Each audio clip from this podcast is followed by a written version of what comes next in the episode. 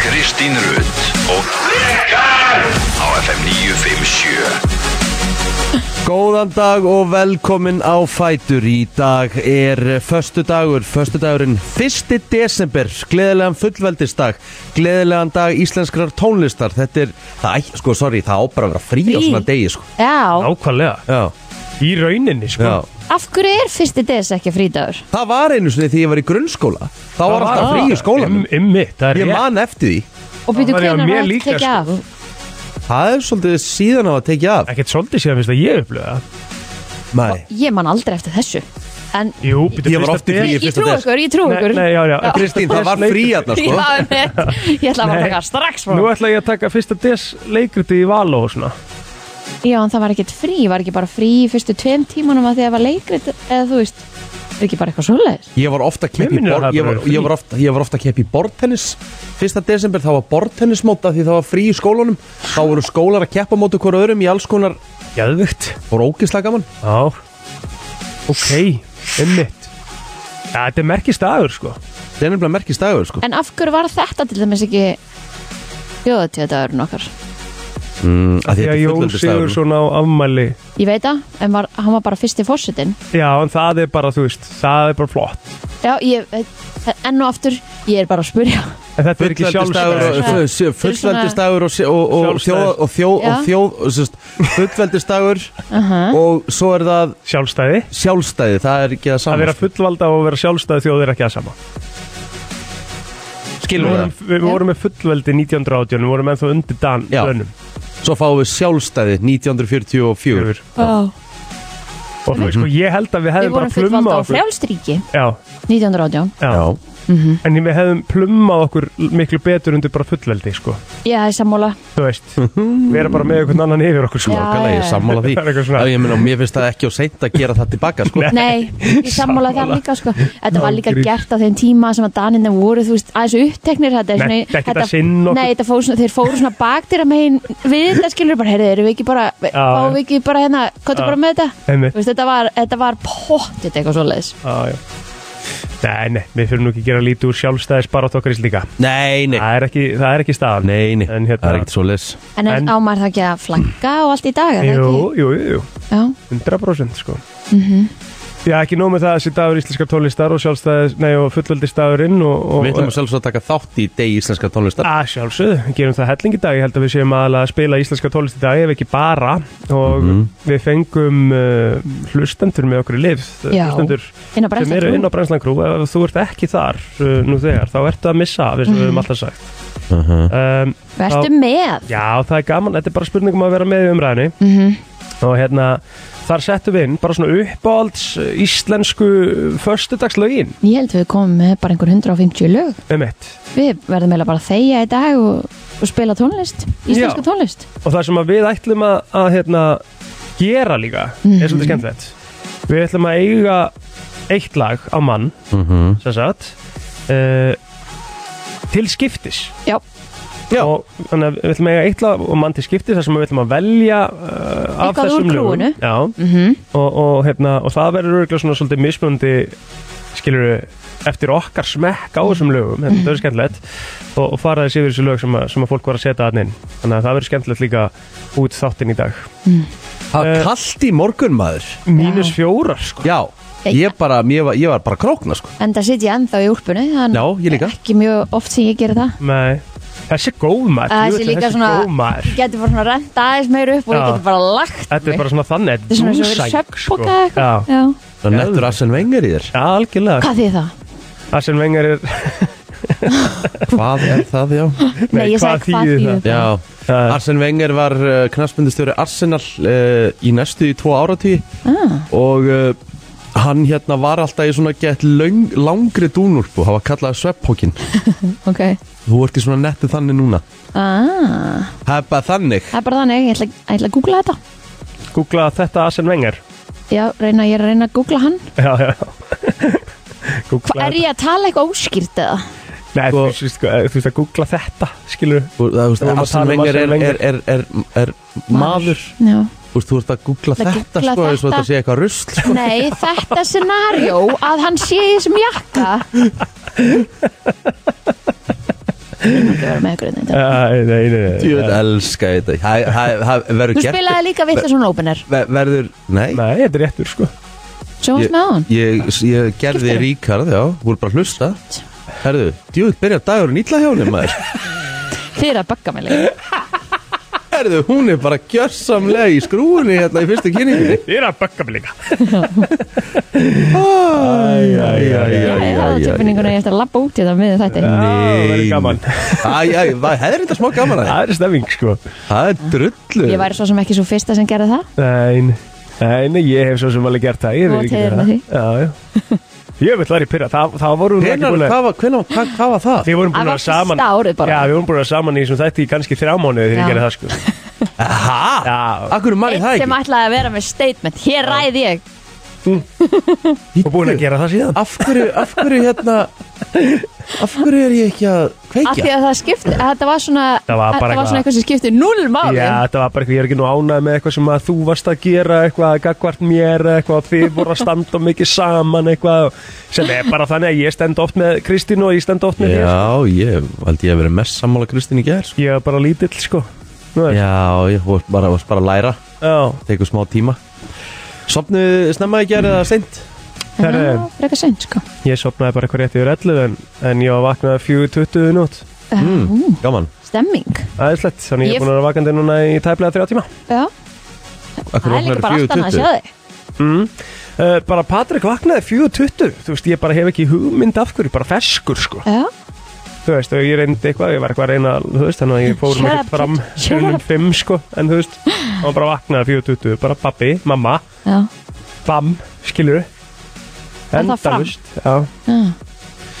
bara endalust hérna, ferskur, en það er svo það er, Hann er flottastur já, já, Herðið, við varum að byrja þetta Byrjum með það þetta er bitu, við þurfum að byrja, Einmitt. Já, Við byrjum, við, við byrjum á jólalagi já, frábært, Af því að uh, það er 1. desember já, Og við byrjum að sjálfsög á jólalagi ok, All of Once for Christmas Það er Nei. dagur íslenska tónlistar Já, við ætlum Ok. bara að vera að spila íslenskt Mm. eigum við að byrja þá að Guðmundi Bjarna, Guðmundi Bjarni Nei, við viljum pretty, pretty, pretty boy um jólin æ, þú veist, Guðmundi Bjarni hérna inn á, inn á Brenslan Grú, hann alltaf er með lag, jólalag, sko, Já, hvaða lag? já, um, undir mistilteini, Egil Við erum með góður Erðu það er fyrsta línin í lægin er fyrsti desember Ætlar í Aha, alvörun já. að byrja á lægi með sjálfum þér í meina, dag sjálfsögðu Þú veist, Vá, ég held að toppurinn og sjálfkörnu hafi náðst hér í Herru, dag já, Það er það sem rosalegt, ég, já, sko. það sem ég inni hjá okkur Ég var svo eini sem gerði jólalagi í jólalagkeppninu okkar og það er fyrsti Stóðstu vel. desember þetta- þetta Og átti að vera, vannst. Já, þú veist, þetta átti Flottastur. að vera fyrsti desember Þannig að þetta verður spilað Þetta, hei, þetta er bara staðfest Þetta lag verður spilað í okkar þetta hérna Fyrsta desember For the Þangar til að rest. við erum búin Ok, Herðu, nú til við fyrir mig yfir á bylgina Fyrsta ég lagi, skal gefa þér þetta ekki Herðu, koma okkur á stað Hátíð í bæ á FM 957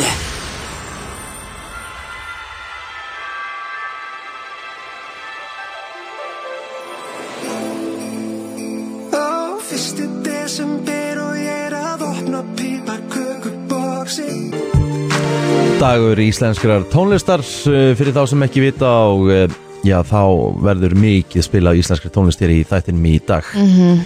Og uh, Mhm. They like it Brennslan Crew mun heldur betur eiga pínlítið sviðið hér í dag Já, Egil sett inn status í gær það sem að Óska var eftir eh, bestu föstudagslögunum Mhm. til að spila í dag íslensk lög Mhm. föstudagslögunum mm -hmm.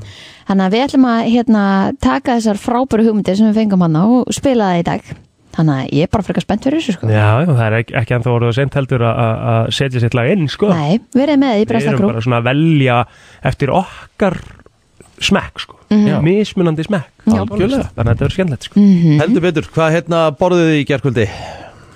Herðu, Já, ég fór út að borða nice. Já, á stað við höfnina nýri bæ mm. Fekk mér humarkotta og túnfisk tartar Mm, humar, Mega næs, já hljómar eitthvað næs en samt eitthvað steikt Ó, já, skilur mig? já, mjög Það stið voru svona eitthvað djúbsteikt, svona stikki, skilur Já, já, já, já, já. Þannig að, og Ó. humarinn inn í því var það gott? Já, Túna Mjög gott. tartar gott líka já, mjög svo Mjög svo Ertu svona, ertu svona mikið hérna, sjávarétta típa? mm, Bara já, nei Mm -hmm. Mm. Já, já, ég er alveg, ég er alveg þar sko Og ég er ekki sjáarétta maður þú veist, ég er ekki mikið fyrir sjáarætti en, en málið er það, að mér finnst gaman að fara á flott veitingahús og borða fisk já, já, já. hann verður Þú alltaf eiginlega komst öðruvísi. mér pínlítið á bræðið þar sko Já, ég, sko, að það er náttúrulega að því að, hérna, að því að það er bara eitt besti réttur í Reykjavík sem er saltfisksrétturinn hérna á, á hérna, Fiskilæðinu. á, nei, Nei. hérna, Sj- Sjáagrillinu sjáfagrælinu þú veist, það, það, og sko, máli með fiskrétti, heilt yfir er að þú nennir aldrei að vera svona dundaðir við fiskrétti einhvern veginn heima hjá þér Nei. Það með þú færðir bara svoðin og stappa mm eða bara í raspi eða bara Mhm. Já, já, eitthvað sem kaupir já. tilbúin að hendur njóp en á veitingastöðum er þetta svo mikið nostr skilur Já. það er bara verið að pæla svo mikið í þessu Ge þú færð fisk á veitingastöðum sem þú ert aldrei að fara að fá heimið þær hann er líka hans ferskari, myndi ég halda já en svo líka bara þess að þú getur gert trillta nautalund heimið þær ef ekki betra heldur en þú færð á veitingastöðum Nánast akkurat, samt erum við alltaf að kaupa okkur nautalund á veitingastöðum af því það er bara eitthvað þegar við förum út að borða Mhm. skilur það er svo fancy en maður er, maður er, við erum sofandi á fisknum sko. já, Sammála því, Ég er úkislega góður sko. sérstaklega á veitingastöðunum Já, hey, ég var með eldur rétt í gerð ég, ég tók bara hérna, það var kjú, bacon og afinn kjúklingabringa, sæta kartablur og eitthvað Mhm. mm, Bara- það var einmitt svona bacon kjúklinga Já. stöf hérna upp í hátteginu Já, besta bistrói ger, næs þetta er svo gott Æ, bara döðlur og, og bacon og eitthvað svona, er bara alltaf gott einhvern veginn Það er gott. með kjúla svo fór ég og hérna eh, Ólafsson er að koma með nýtt gin Emmett, pink gin, gæðvig Ú, fór og kikta hans á það í gær og smakkaði það, oh my god hvað það er gott ég Já. er mikill pinkin maður Já, þá, þú ert in for a treat þarna sko. Þetta er svo gott. Mér finnst Óla sem besta gynna á Íslandi sko. Bara langbesta by far. Já. Og svo náttúrulega er búin að breyta leiknum með þessi blessa seltzer sínum. Mhm. Þannig að lime seltzerinn. Mm. Herri, ég get bara drukkið þetta til the end of day sko. Sem er alveg smá hættulega. það, er lítið- það er lítið ábyggisbræði sko. Já, nefnilega. Þetta er hættulegt sko Já, Og svo er komið eitthvað triple orange líka núna. Það er eitthvað nýr seltir þess að Já. Ok, Þannig að hérna eh, 16. desember erum við að fara í, í hérna Pink Ólofssongin. gæðvig Er þið ekki geimið það? eða? Jó, Það er ekki að selja með það Nei.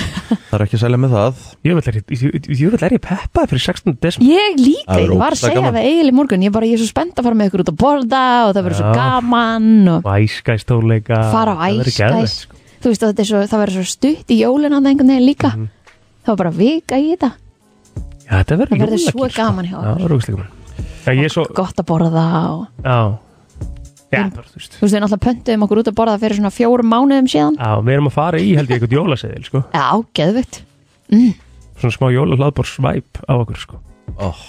En ég sko, já, svo náttúrulega bara var Patrik sopnaður og þá bara var uh, borðað og, og hort á leigupúleikin sko. Já, Það var hvernig nú ekki fór? mikið Með meira. endan 4-0 4-0 Eins og þú sagðir í gerð. Já, ég sagði 3-4-0 leikur Já, Já. einmitt. Þeir hefði ekki dögnað miklu starra sko. Já, Alveg potjett já, þeir eru góðir ekki að leigupúl Já, En kannski eðlilega Já.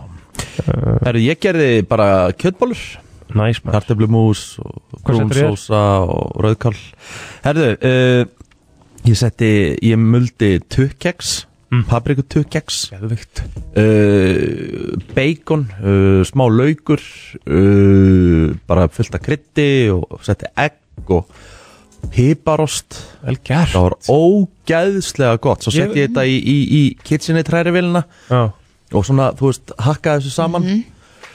og svo bara bjóði til bollur og steikti þær fyrst alveg þvílitt upp úr djúpu smjöru á pönnunni Oh setti þær my. svo í eldfast mót og svo þegar það var komið í eldfast móti þá held ég smjörun á pönnunni yfir bollunar Já. svo leti þær grillast í opninum djöfull var þetta gott maður allegt maður Hérna, ég hef ekki prófað tökkjaksi og það er bara geggjað, papriku sérstaklega Já. Mhm. Það er svolítið að vinna með brauðraspi bara í svona bollur eitthvað Já. Ah, Alltaf mulli Dukkexið keks, var já. ógeðslega gott Ég trúi því Eða rítkeks, það er Já, svona það basic. Ég er- er unni með ritskeksis Já. tukkeks paprika, Mm. það er ekkit eðlilega gott í þetta Salt og pipatök er, er reyndar geggja líka ef þú ert ekki búin Nei, að menn, bóða tökkjaks er bara báranlega gott Já, já. í öllum bröðum skiptir ekki máli hvernig- hvað hvað- hvað þú færðir Það sko. er ekkert ma- mörg svona kjaks sem er ekki með súkulaði sem getur bara getið eintóm þá getur þú verið sattur Nei, nei, það er reyndar alveg rétt svo hérna Það vinnum með það. Kjakspakk og vera sattur á honum sko. Þú, þú hefur gert það? Já, já, Já, já, já, já. svo bara kláruðum uh, kláruðu ég og frúin uh, hérna þriðu seríu Sopranos mm Mhm. -hmm. eigum núna þrjár seríur eftir því miður, Nú, við erum bara hálnuð já, ok þetta er ekkit Þú veist, eðlilega hvað gott er það að starf taka? Náðu það að taka tvo þætt á kvöldi eða hvað? Mm, Fleiri? mm, nei, við náum aldrei fleirum, við náðum tveimur í ger já. Hvernig farið það að sofa? Hvað er þetta ekki bara klukkt um þetta? Nei, minna, bara Ah, ok. 48, 9 myndur Já, það getur alveg nátt 3, 4, 8 Já, já, við náðum tveimur, tókum tvo í gær og Trím, fjórum þá Já, kominu, þú bara borða klukkan 7, hálf 8 skilur Já, þú veist, krakkinn og koma honum í rúmið og þú veist, það er Rúmið. alveg hún Níu sér, ára. sér bara um það sjálf bara sko. svo Hún fer bara að hlustar á sögu sko. Já, Ég man eftir því þegar ég var lítilega og sopnaði ég við sko kardimámbæn, ég skilji hvernig ég náði að sopna Hún hérna, ég sopna aldrei við, nei Er Það ekki? Já, mér hún fannst vildi þetta bara fara að sofa snemma sko, því hún var svo spennt að opna dagatali í morgun sko. Já, þetta Súkulega þetta aðdali uh, Já, hún er meitt hann og svo erum við eitthvað eitt svona, svona annað dagatal Skemmtileg Já, já, Mm, Við komum Mhm. Verður álfarnir sem gera svona prakkasteg heim til þín í nóttu Mm. Nei, nei Nei, nei, nei nei, nei, nei. Þetta er bara heimili sem að engin prakkasteg lifð Já, Uh, herðu, við hérna ætlum að henda okkur í auðlýsingar ánum fyrir mig í helst ammálspörnin en tvö lög sem koma núna eftir auðlýsingar og lög, því hvað- ég er núna, ég er búin að velja þannig Má að ég það er- velja eitt og hann þá eitt? Já, þú Ok, ég byrjar ætla að þá, velja paradís Ég ætla að velja, ég ætla að byrja líka eins og ég ætla Elska. mínu lagi Já, ég elska En þetta var náttúrulega ekki mitt lag, sko, Guðmundur Bjarni átti fyrsta lag dagsins Já, en það var svona ditt lag Já, en þú veist, það var lag eftir mig Já, og Inga Bárasvölu Maður sjá Þú ætlar að byrja að velja þitt lag sem var þarna í Kristín. Brenslan Krú sem var Paradís með svörtu fötum Já. Rikki, hvaða lag kemur þá eftir því? ég spilaði það svona átta Herðu. sem ég ger Ösk og syngdi með Já, bílum það er geðveitt uh, Maður sjá þetta hérna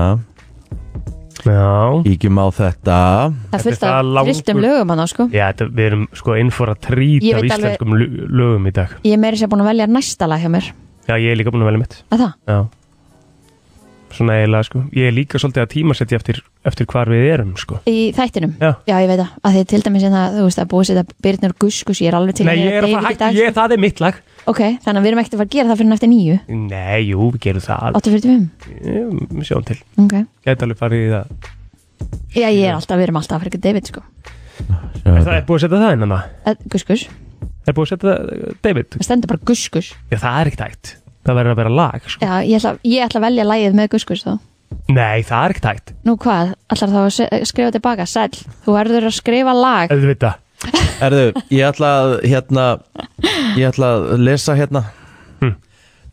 Lægi Skína sem kom út í sumar Ekki margir sem hafa heyrt það En ég vil meina að það sé besta lag Íslandsögunar Já, Sigurður Gísli Bond Snorrásson já þú veist. Það er bara hendur skýna af því Já, Gott herru, tökum auðlýsingar, höldum áfram ég er að fíla þetta að spila bara Íslands í dag, þetta Það er verður ógeðslega til í þetta. Ég hef það höfu dagur Ef það má einhvern tíman uh, svona aðeins fokka í playlistanum þá er það á svona dögum Já, Einmitt. sjálfsögðu. Það er bara þannig Herðu, við ætlum aðeins að kíkja í afmælisböð dagsins. Það eru þetta 1. desember í dag, mm. komin nýr mánuður, jólamánuðurinn gengin í garð.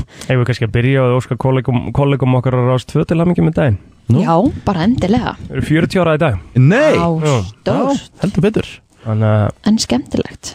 við óskum þeim innilega til hamingi Ah, með ekki daginn spurning. En ekki til að skipta samt, við erum í góðan gýr í dag sko Já, Lofum já. því. Við erum í íslensku gýr. Já, já. Herru, Tara vinkonu mín, hún ámælda, ég ætla að byrja að óska henni til afmælingi með daginn. já, já.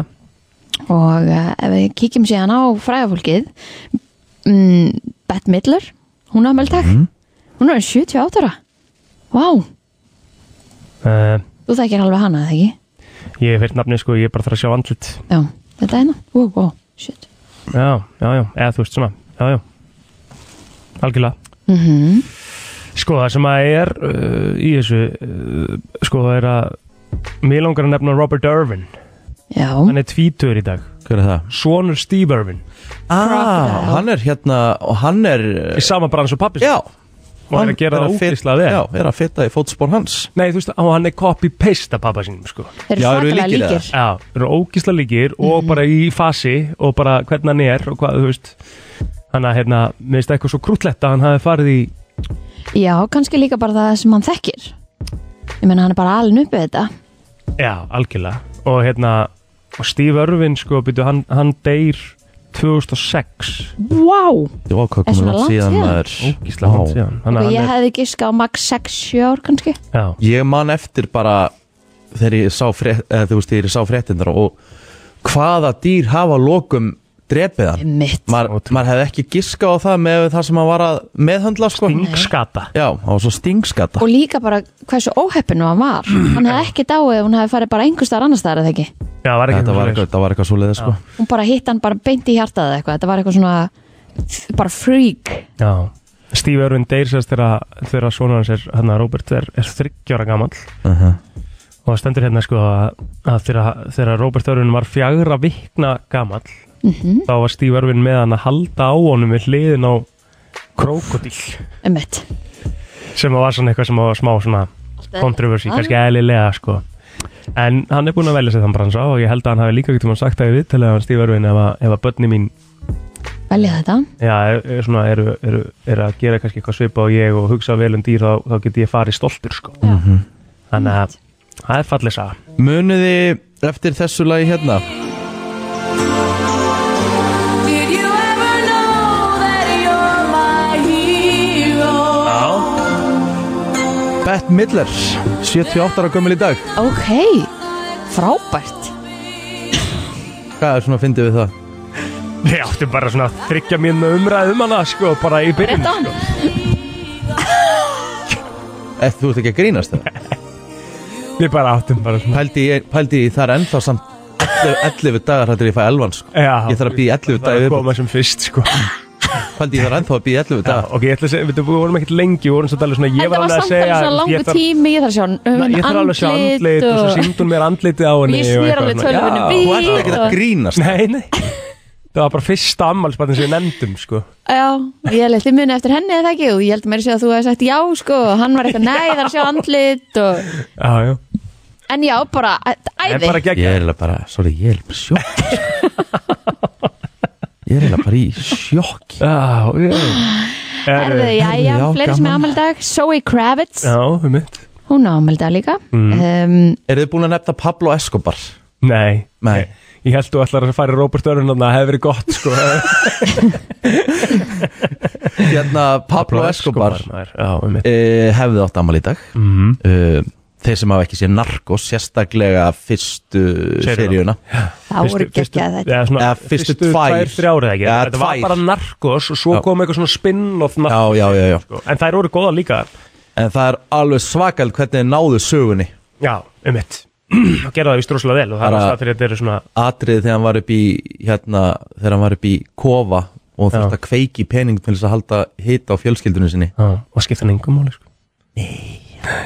svaðalegt sko En líka ógíslegu kall sko. já, já, já, já. Þa, það var engin að segja að þetta sé ykkur hitja sko Nei. en náttúrulega var náttúrulega risa partur af sögunni Já, algjörlega heldur betur Herðu, um, ég held við séum bara búin að tæma okkur þessu Við ætlum að fara í uh, næsta lag inn á uh, brennslega já, við byrjum á auðlýsingum Já, ok og hvaða lag er svo næst svo förum við náttúrulega í lagdagsins Já, ok eh, Ég er að hugsa um að við förum bara í sko Ég var með hérna uh, sko, er það steikt að fara bara strax í meðan ég sef með í svörtum fötum eða? nei, Nei.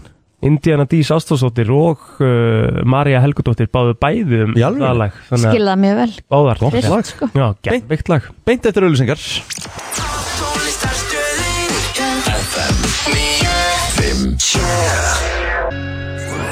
Hér er komið að lægi dagsins í brennslunni já já og dagur íslenskrar tónlistar fullveldisdagur sumuleiðis Mhm. velkomin á fætur við ætlum að fara í lagdagsins við glemdum náttúrulega ammælisbarni áðan Á, og við svakalega þurfum eiginlega bara að beðast afsökunar Á, já, því það er að uh, okkar besti maður Magni Áskilsson á ammæli í dag Magni gaman. í að móti sól Magni er uh, 45 ára gamall í dag hún klamp síðan engin aldur engin aldur sem í stóramæli hjá honum í dag Já, Og ég ætla bara að fara í fyrsta lagi sem að söng fyrir hljómsveitina móti sól. Magni gekk til liðs við sveitina uh, 1999 um haustið og söng lagi þegar að jólinn koma, jólinn 99. Það er bara þannig. á vel við Á heldur betur vel við.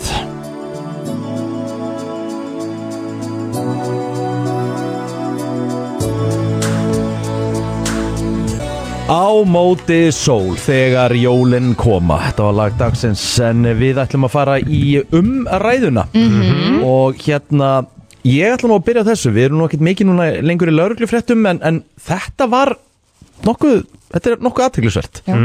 Sko það var náttúrulega tilgjöndum grunnsalega mannaferði það er alltaf þannig Mhm. og það var í tveimur hverfum í nótt og mjög gott samt nágrannaveslan, hún skipti máli Það er nefnilega málið. Herðu, en uh, hér kemur svona það sérstakasta. Lauruglu barst einni tilkynning um hund sem var sagður halda vöku fyrir fólki.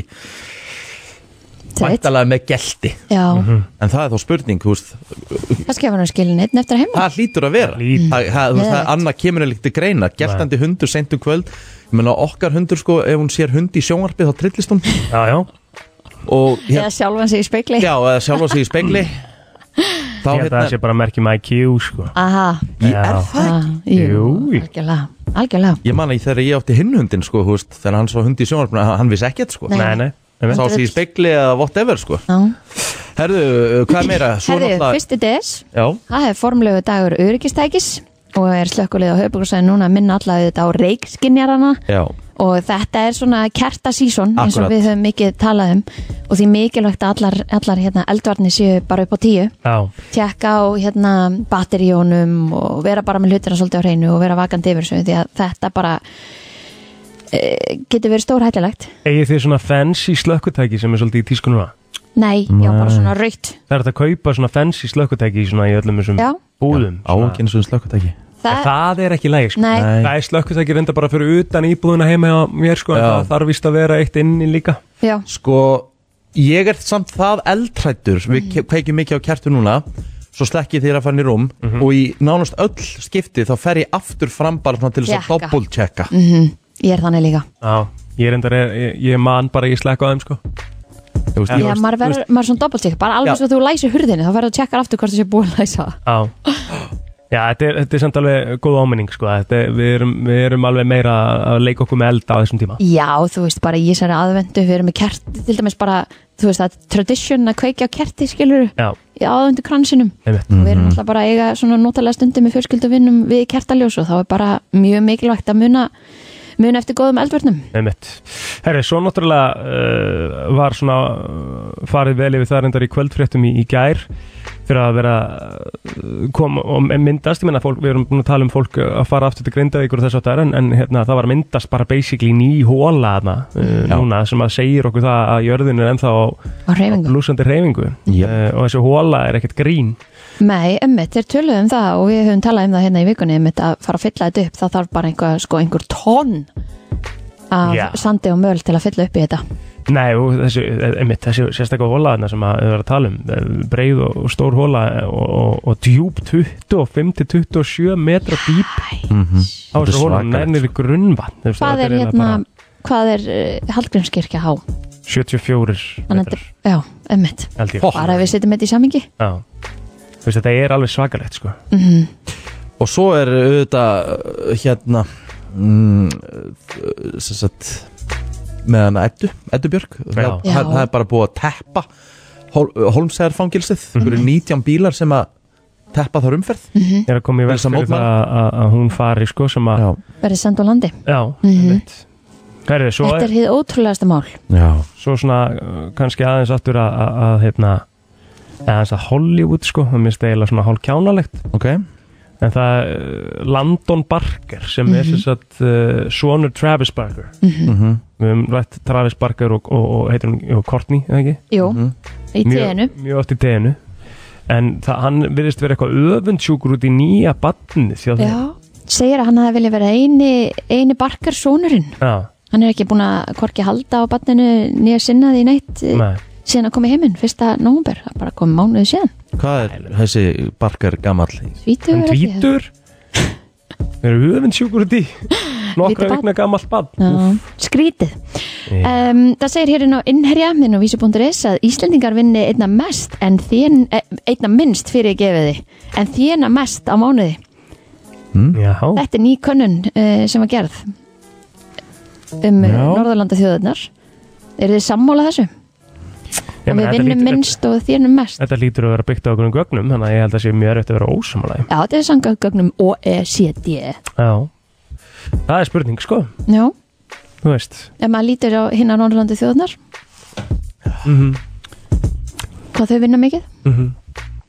En vinna þau eitthvað, sko, þú veist Mér veist eins og, ég- eins og nú þekki ég maður náttúrulega eitthvað til hann út í Danmörku mm Vinnan þar er allavega miklu meira lús sko. já, Þú veist, ef það er eitthvað varandi til dæmis bara fjölskyldunni en eitthvað mm þá er það automatíst að þú fer bara mm. þú ert bara, heyrðu, ég þarf að sækja badið mitt á leikskóla, þú veist það, og þá bara ho- stoppar fundurinn, þótt að sé bara einhver einn á okkur 15 manna fundi, sko mm. eða þú veist, þá bara ferð þú út þú veist, það er bara fílingu, það er fjölskyldan nummer 1, 2 og 3 það er einhvern veginn svona meira eh, já, hvað ég segja, bara svona lausleiki yfir hlutunum, sko Mhm. ég veit ekki hvort það sé eitthvað tengt, kannski hvort þeir vinni meira að minna en Já, þetta, er- það, er- þetta, þetta snýst allt um sko meiri laun þýða alls konar sko, herri Mhm. laun þýða alls konar það er uh, ódýrara að vera þar að vera þar mm -hmm. þú veist, það, þú færð meira fyrir hú, húsnæðið þitt þar skilur Já. fyrir peningana Meira fyrir launin meira fyrir launin mm -hmm. þannig að það er svona spurning hvernig maður horfir á þetta heilt yfir svo kannski enda þetta líka á, á sko, mér veist, svo, það er náttúrulega búið að vera að tala um þessar mentólsíkarettur Mm. sala mentólsíkaretta verði leifð í fjögur ári viðbútt og svo stoppað Að það? já, Á það bara að koma vondbræð eða eitthvað, Já, ég veit þú veist ekki, bara- ég hef ekki prófað að reykja þannig ég veit ekki hvernig bræðið Nei, er þá þessu bara koma þetta s- bara, sí- bara ekki mentól skilur sem að er hérna, eitthvað sem að heilbriðsára er að vinna með núna það sé ekki verið að bræðbæta þetta Ah. sko en, Einmitt. en hérna svo er þetta alltaf uh, teikið sko hvort að okkur er verið að banna eitthvað skilur okkur má fólk ekki taka sínir einu ákvarðanir mm -hmm. Já, já ég held að það séu ekki það séu ekkit eitthvað mikið heitlandi fyrir börn að kaupa sér mentólsíkarettur í dag sko þetta eru bara, er þetta ekki bara svona meira bara eldra fólk sem er að Jú, jú reykja mentólsíkarettu, ég veit ekki, ég einhvern veginn sé þetta ekki sem reykir einhverja, einhver í dag fyrir utan það sko ég, bara, ég verð alltaf jafn hissa þegar ég sé einhvern reykja að, að því að það er oftast einstaklingu sem er þá bara eitthvað einn, að því að þetta er svona hægt að vera group thing það eru margir, sko fáir eftir sko, já, um, það eru kannski fleiri, fleiri búin að fara yfir í eitthvað annað, já. en hérna þetta er svona aðtilsvert, erum við þá að fara í næsta lag? Já, Herðu, þú átt næsta lag ekki, ég á næsta lag í krúinu og ég er búin að, já, og ég er búin að að sikta út það sem að mér langar að að því við erum búin að vera í smá svona cozy hittum mm. Mhm. að spurningum að fara að keira þetta eins í gang elska það, og e, það var hérna Maggi Hafdal, Ívar Daniels og, og Friðrik Aðalger sem að sammálaðist um það að fun heitur þyrfti að heyrast í dag með plánutinni wow já, Þetta er, þetta er lag gæðvett Hækkum í þessu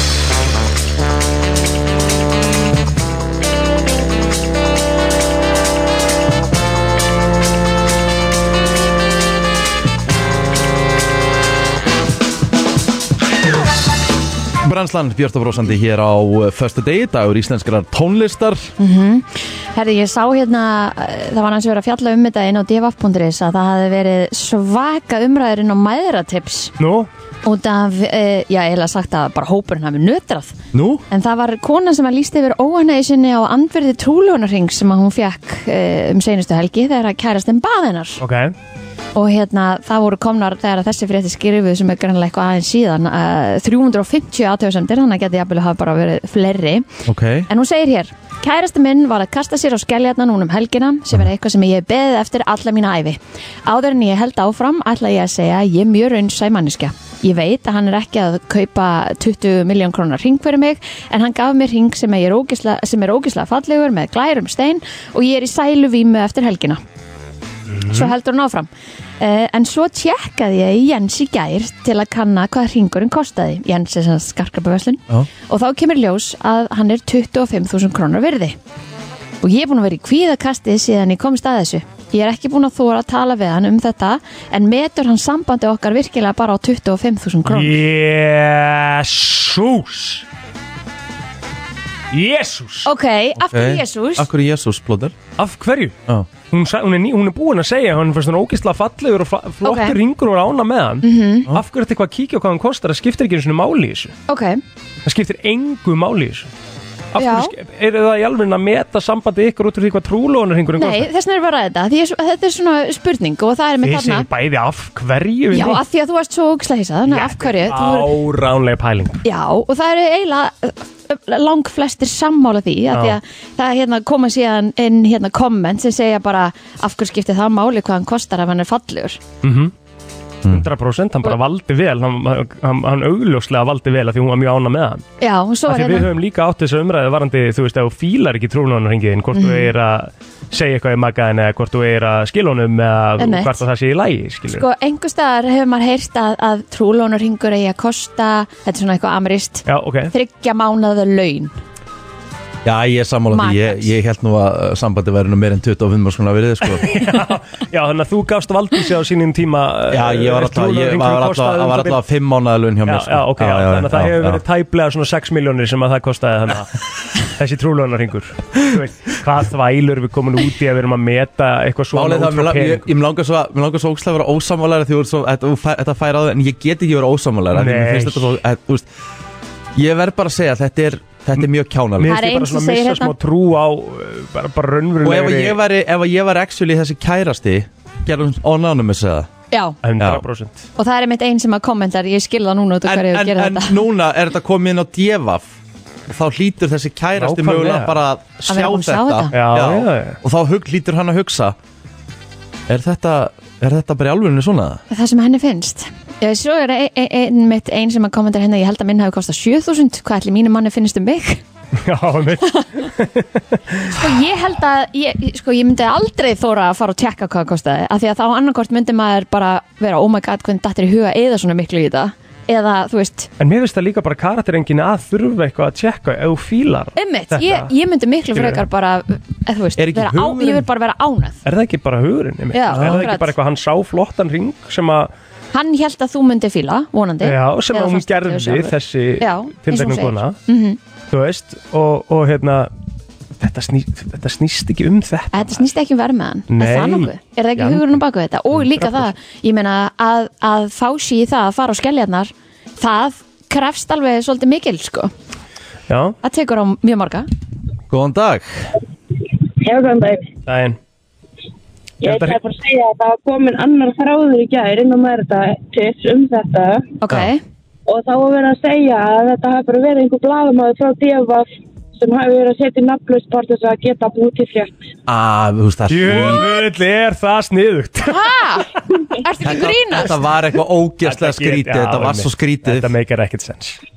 Jöfull er það sniður Og það er blaðamenn sko. svakalegt Það þarf eiginlega að gefa þessu blaðamenn einhver velun Já Það er áhugavert ef satt er Já, það er ekki aðeins takk fyrir þetta Alltaf sé, sé út af því að Jens Pældu í þessu. Jens kannski Mér sér fannst ekki þetta svo hringja fyrir skrítið. 25 úrst af því að þú veist, þetta hljómaði freka bara eins og þetta væri eitthvað staðar í útlöndum sko. Já, 100% Jöfull er þetta gott samt að gera þetta sem blaðamenn Þú veist, sorry, En haldið það ég sé, ætla að gefa kút þessu blaðamenn sko. haldið það sé fólk svona úti sem að Ok, veistu að ef þetta er fake, skilur Já, já, já, já. Að fólk sé svona í alvörinu Já, þú veist, 100% öruglega eitthvað stæða til, þú veist, og, í- og það er uh, bara leiðilegt, sko, en ég held að það sé eh, bara mikið af fólki sem að verðmetur margt út frá bara peningum, mm Mhm. það er bara okkurslega, uh, hvað ég segja, þú veist, ge- gerum við það ekki öll samt að einhverju leiti, skilum Ég við meina, kaupum þetta er fullt af okkur frekar ljótum alvöru, hringum. kaupum okkur frekar alvöru airpods sem eru vissulega með betri gæðu og eitthvað, skilur en kosta alveg svolítið slatta versus að þessi til bara fín svona þrálaus heyrnatól, innir heyrnatól, skilur sem að kosta 15 skalli minna en við kaupum þetta sem kostar 40 skall af því að það er í tísku, En þetta er fullt af ljótum hringum sem að kosta 5 miljónir og fullt af fallegum hringum sem að kosta 120 úrst algjörlega, Þannig að algjörlega. já, þetta, en ég meina vel gert hjá sem blaðamann ef, ef, ef að satt Ef- er ef sko. satt er sko, já, þá var hægt að búa til fréttina sko. já. Já, og bara líka kommentin góðan dag Góðan daginn, herru, ég er með smá fyndin á sögu. En Ok. það? Hérna, maðurinn minn, hann sagðist að hafa farið með tvo flöskupoka og fengið pening og svo notaði hann pening til að kaupa trúlumring og átti með þess að hérna afgang. Hvað voru þessi pókarilega stórir? Já, það er ekki svona tveir, þrý, þannig að já, minn trúláringur kostaði svona sirka sjús kall en auðvitað bara við, á þeim tíma vorum við að fara að byrja að byggja þannig það var náttúrulega var bara ekkert í bóði að fara að spriða einhvern tring og bara, ég var bara Nei. ótrúlega sátt En En mér- varstu- en mér já, finnst samt- varstu en mér bara finnst ánægð samt með hann? hugur- mér finnst hugurinn geggjar á bakvið þetta Mitt. hann er bara staðmyndi bara á fyrir bræði, ég þurfti að fara að minga ringin og hann sagði sko, heyrðu, þetta er svolítið ódýst og ég bara, já, hvað mál skipt það? Æ, ég er bara svona, bara svo snögg viðbúin, ég bara, æ, Æ. æ, mér gæti ekki meira sama. Já, Nei, þú varst svo- ánægð með hann. En svo þegar, þegar sagan kom um dósirnar og flöskunna, varstu smá eitthvað Byrjaði að Mér fannst það bara ótrúlega fyndið. mér Já, finnst ég það, mér sammála. finnst það geggjað sko. Mér finnst það búkislega að finna eru þið ekki alveg pottið saman í dag ennþá? pening. Já, Nákvæmlega. það var bara saman í bráðum 11 ár. geggjað Mm. Geðveik maður Herðu, til aðmingi með ástina Takk fyrir að ringja Takk fyrir Bye, bye. Vel gert maður. Þetta finnst mér bara, þetta er skemmtilegt Já, Lukku. Þetta er líka skemmtileg saga heldur betur maður Það er bara akkurat þannig Herru, Herðu, hvað var er næsta það- lag? Já, ég, sko, herru, já, fyrir þá sem að voru að stilla inn og er ekki alveg viss hvað við erum að gera hérna þá er þráðurinn á Brennslan Crew núna þannig að ef þú ert að hlusta og ert ekki með okkur inn á Brennslan Crew á, á Facebook þá máttu farin á Facebook og, og joina hópinn af því að við erum uh, á degi íslenskar tónlistar Mhm. mm. báðu við fólkinu á Brennslan Crew að setja inn sitt íslenska föstudagslag Mhm. og við erum að velja svona til skiptis og okkar lög sem eru þarna inn á sem eru með góð sjátt og Og Rikki á næsta lag Nei, ég var næsta lag. Nú, var ég ekki með funutur? Jú, en hann var með móti sólundan. Ah, Þannig að, ó, ó, er þetta ekki svona? já, það, við breyttum eiginlega röðinni Var ég með á móti sól? í lagi dagsins. Er- Var það mitt lag? Sjálfsögðu. Já, ok Nei, það Nei, var viltu- lag dagsins Viltu eiga laga? Já. nei, nei, nei, nei, nei, Þú nei. valdir Hitt var dagsins. lag dagsins, hann var ekkert að velja það Þú mátt eiga Ég- laga er- er- Ert þú ekki tilbúið með lag? Ég er þetta í Já, ég er ekki ready okay. Mm. Flott Þá ætla ég að velja lag sem að Aron Mímir kom með mm. Ronny Gonni Alvöru föstaður mm. Gus Gus og Byrnir Eða Bittu, gus, gus að sjá. Og ég held að þetta sko Ég veit ekki okkur Mér finnst eins og við hefum átt að spila þetta lag meira Mhm. Ef ég að sé alveg sér Já, Þetta er alvöru föstaður sjö mínuna lag Já, já Spilar eitthvað að því Spila, spila eitthvað að því mm. Herru, först dagur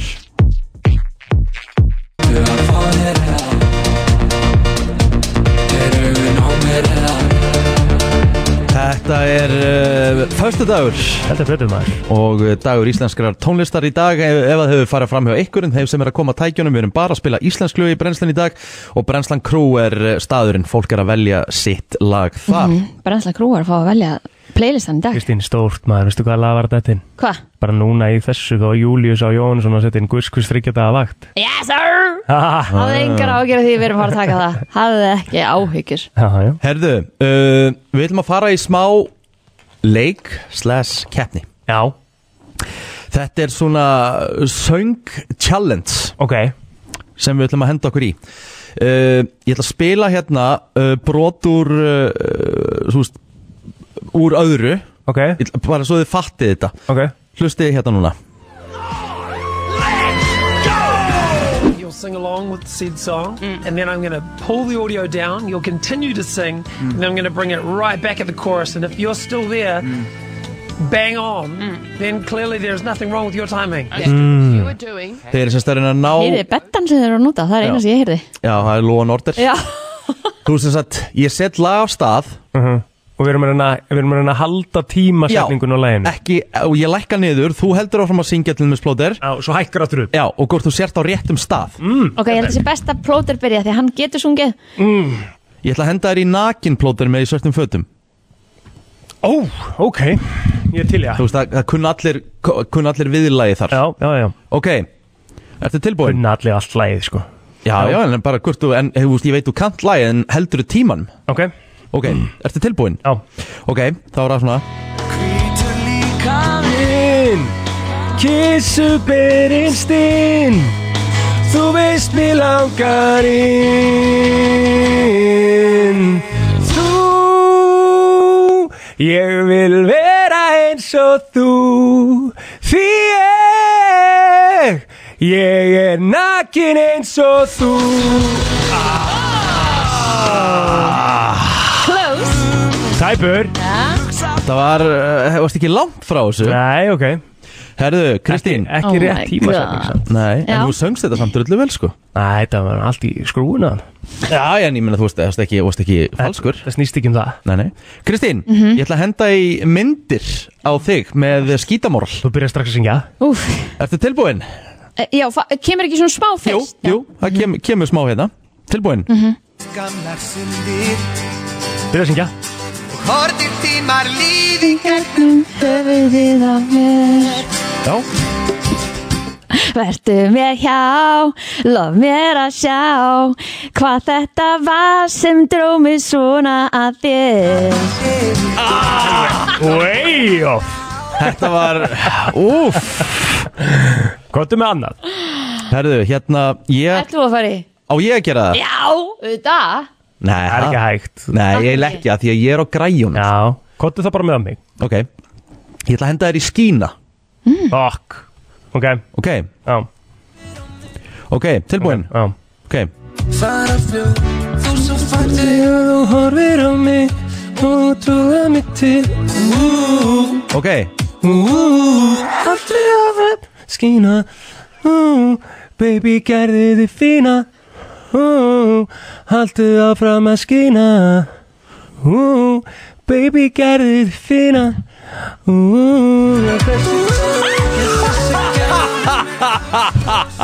Þetta er, þetta er erfiðan með hér shit Þú varst vei á Já, shit Ok, Ok, Kristín Ah. Já, ég verða Shit. að fá eitt viðbútt býtu, ég þarf að fá smá Ég þarf að geta, hérna, ég er ekki með textan og hreinu á Maður þarf þessu, að- sko. maður þarf að einbytta sér sko. Ég er að láta þið að fá lög sem bara allir þekkja textana Ó, Ah, ok, ok, ok, hvað ertu með? Ok, ég skal bara Já, á Nú veit ég hvað lag ég ætla að setja Ég ætla að henda þér í síðasta skipti með frekka dór Já Ég myndi ná því 100% Ok, tökum það bara saman Nei, Nei, Akkur ekki, Ég ætla að fá annar lag Já, já þú ætlar að fá annað Já, lag ég ætla að ná þessu Jésús minn Ok, tilbúin Kristín Nei, nei, hvað ætlar að byrja? Já, þú veist, ég- þú byrjar bara, þú pikkar upp textan strax Ok. Ok Ok Leif Syngdu mér að Og leiða þig svo Í síðasta skipti Heldur að ég væri bara að fara eitthvað hinga háta Nei, þú getur bara gert þessu og vilt Byrja aftur, Jésús byrja Ok. aftur Þú þarft ekki að, en sko hafðu lagið bara í botni þegar hún byrjar Það Ok. kemst maður í gýrin Ok, Já, já, já. okay. Leif mér að leiða þig Í síðasta skipti Haldu í höndin á mér Og ekki sleppa Já, Sýndu mér aftur Hvað er að elska? Guð minn það góður er hún langt frá Vá, þetta var svo slagt Finnst ykkur að ekki skrítið? Ég Þú get verður að hafa ekki trú sungið að- þetta þú- lag Þú verður að hafa trú að þér Ah. Nei, þú mátt bara syngja það neðar Skilur, þú mátt bara syngja það, þú þarft bara að raula það, sko Fattur Þetta þetta er bara spurning um að halda tíma Já, ég var ekkit upp Haltu að fremja skýra Þú er kannski átt að gera það, það er kannski bara að halda í við Nei, ég er ekkit hægt Er eitthvað, Klukkan er átta, sko Það er alveg eðlilegt, við getum ekkert verið í einhverjum bombum hérna sko, getum við Ég er farin að svitna sko Mm. Vá, ég ætla að setja þið í alvöru hérna Maður sjá Ég ætla að setja þið plóter Æðilegt útvarp sko Nei, geðvægt, ég er svolítið hrifin að þessu Herru, plóter, nú er bara pressaður Já, ég verða að ná þessu, sko Það er bara, það er bara pressaður Ef hún er Let's þess go. ekki, þá, þá, þá, þá ætla ég bara Ok Ok, komdu bara í starthólunar Ég líti að ná þessu maður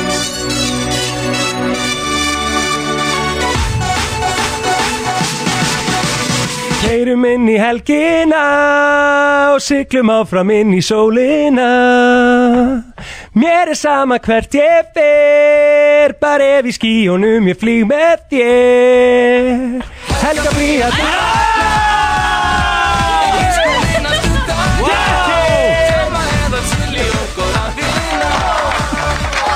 Ég held að við ættum bara að halda áfram að spila þetta lag Spilum þetta bara áfram I'll make you feel good Þér líður svo vel þegar þú vaknar með okkur. Brennslan Virka morgna á FM 957. Allt sem skiptir máli og ekki Brennslan á FM til 10. Allt sem skiptir máli og ekki og þetta skiptir máli því að uh, við ætlum að ræða stöðuna að komið að mánagalegri stöðu okkar eh, besti maður Björn Berg Gunnarsson mættur í stúdíu að verður velkominn Takk fyrir Alltaf gott að fá þig maður Já, gaman að koma það er líka, líka húst, maður þarf að fara yfir eh, málin reglulega Já, já, og bara svona ge- gera, þú veist, við við þurfum að fá reyndari menn í þessu heldur en að við séum eitthvað en Að babla einhverju út í svona- loftið. Já, við veit ekki neitt sko Mér langar að byrja á að spyrja það Björn út í uh, bara síðast þegar að hérna uh, vextir heldust óbreyttir þá kom uh, okkar besti sælabankastjóri og mér leið svona eins og hann væri pínu svona full bara að vextir hefur staðið í stað því að hann held eiginlega bara allt viðtalið við hann eftir þetta snýrist um að Já, það hefur vel verið hægt að hækka vexti og það hefur verið auðvelt að rauksti að hækka vextina og, og- en, en við gerum þetta svona en svo eiginlega bara svona basically hótaðan því að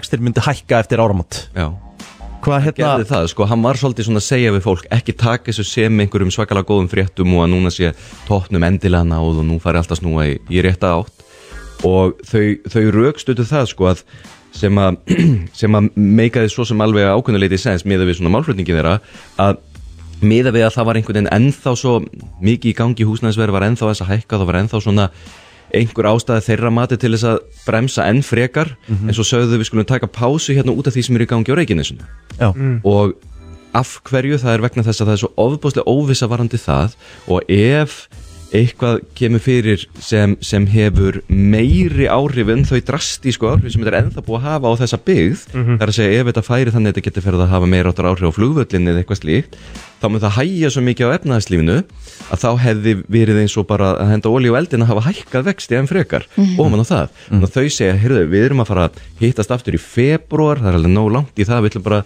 setja allt á ís þanga til en ekki gera ráð fyrir því að við séum búin Mm. síðan koma tölur í gær um hagvöxt, hagvöxtur í rauninni endur spekla bara hversu mikið hlutir í gangi, hversu mikið hérna gengur á í efnaðslífinu sem er meðal annars það sem að Sælabankin hefur að horfa á með vöxtunum og þá koma fréttir sem að ættu að gleðjan á okkurnu leiti að þetta sem við sáum í gær var að það er bara búið að bremsa okkur alveg virkilega duglega af Mhm. við erum meiri sem maður horfum bara á heimilin við erum bara að eyða minni peningum ef við gerum á sama tími fyrir það sem er ansið magna, það gerist ekki mjög oft nei, nei. við Hvað þá á drögum þessum- hreinlega Þessum ástíma, þetta er svona akkurat mikill og stór útgjald tími Já.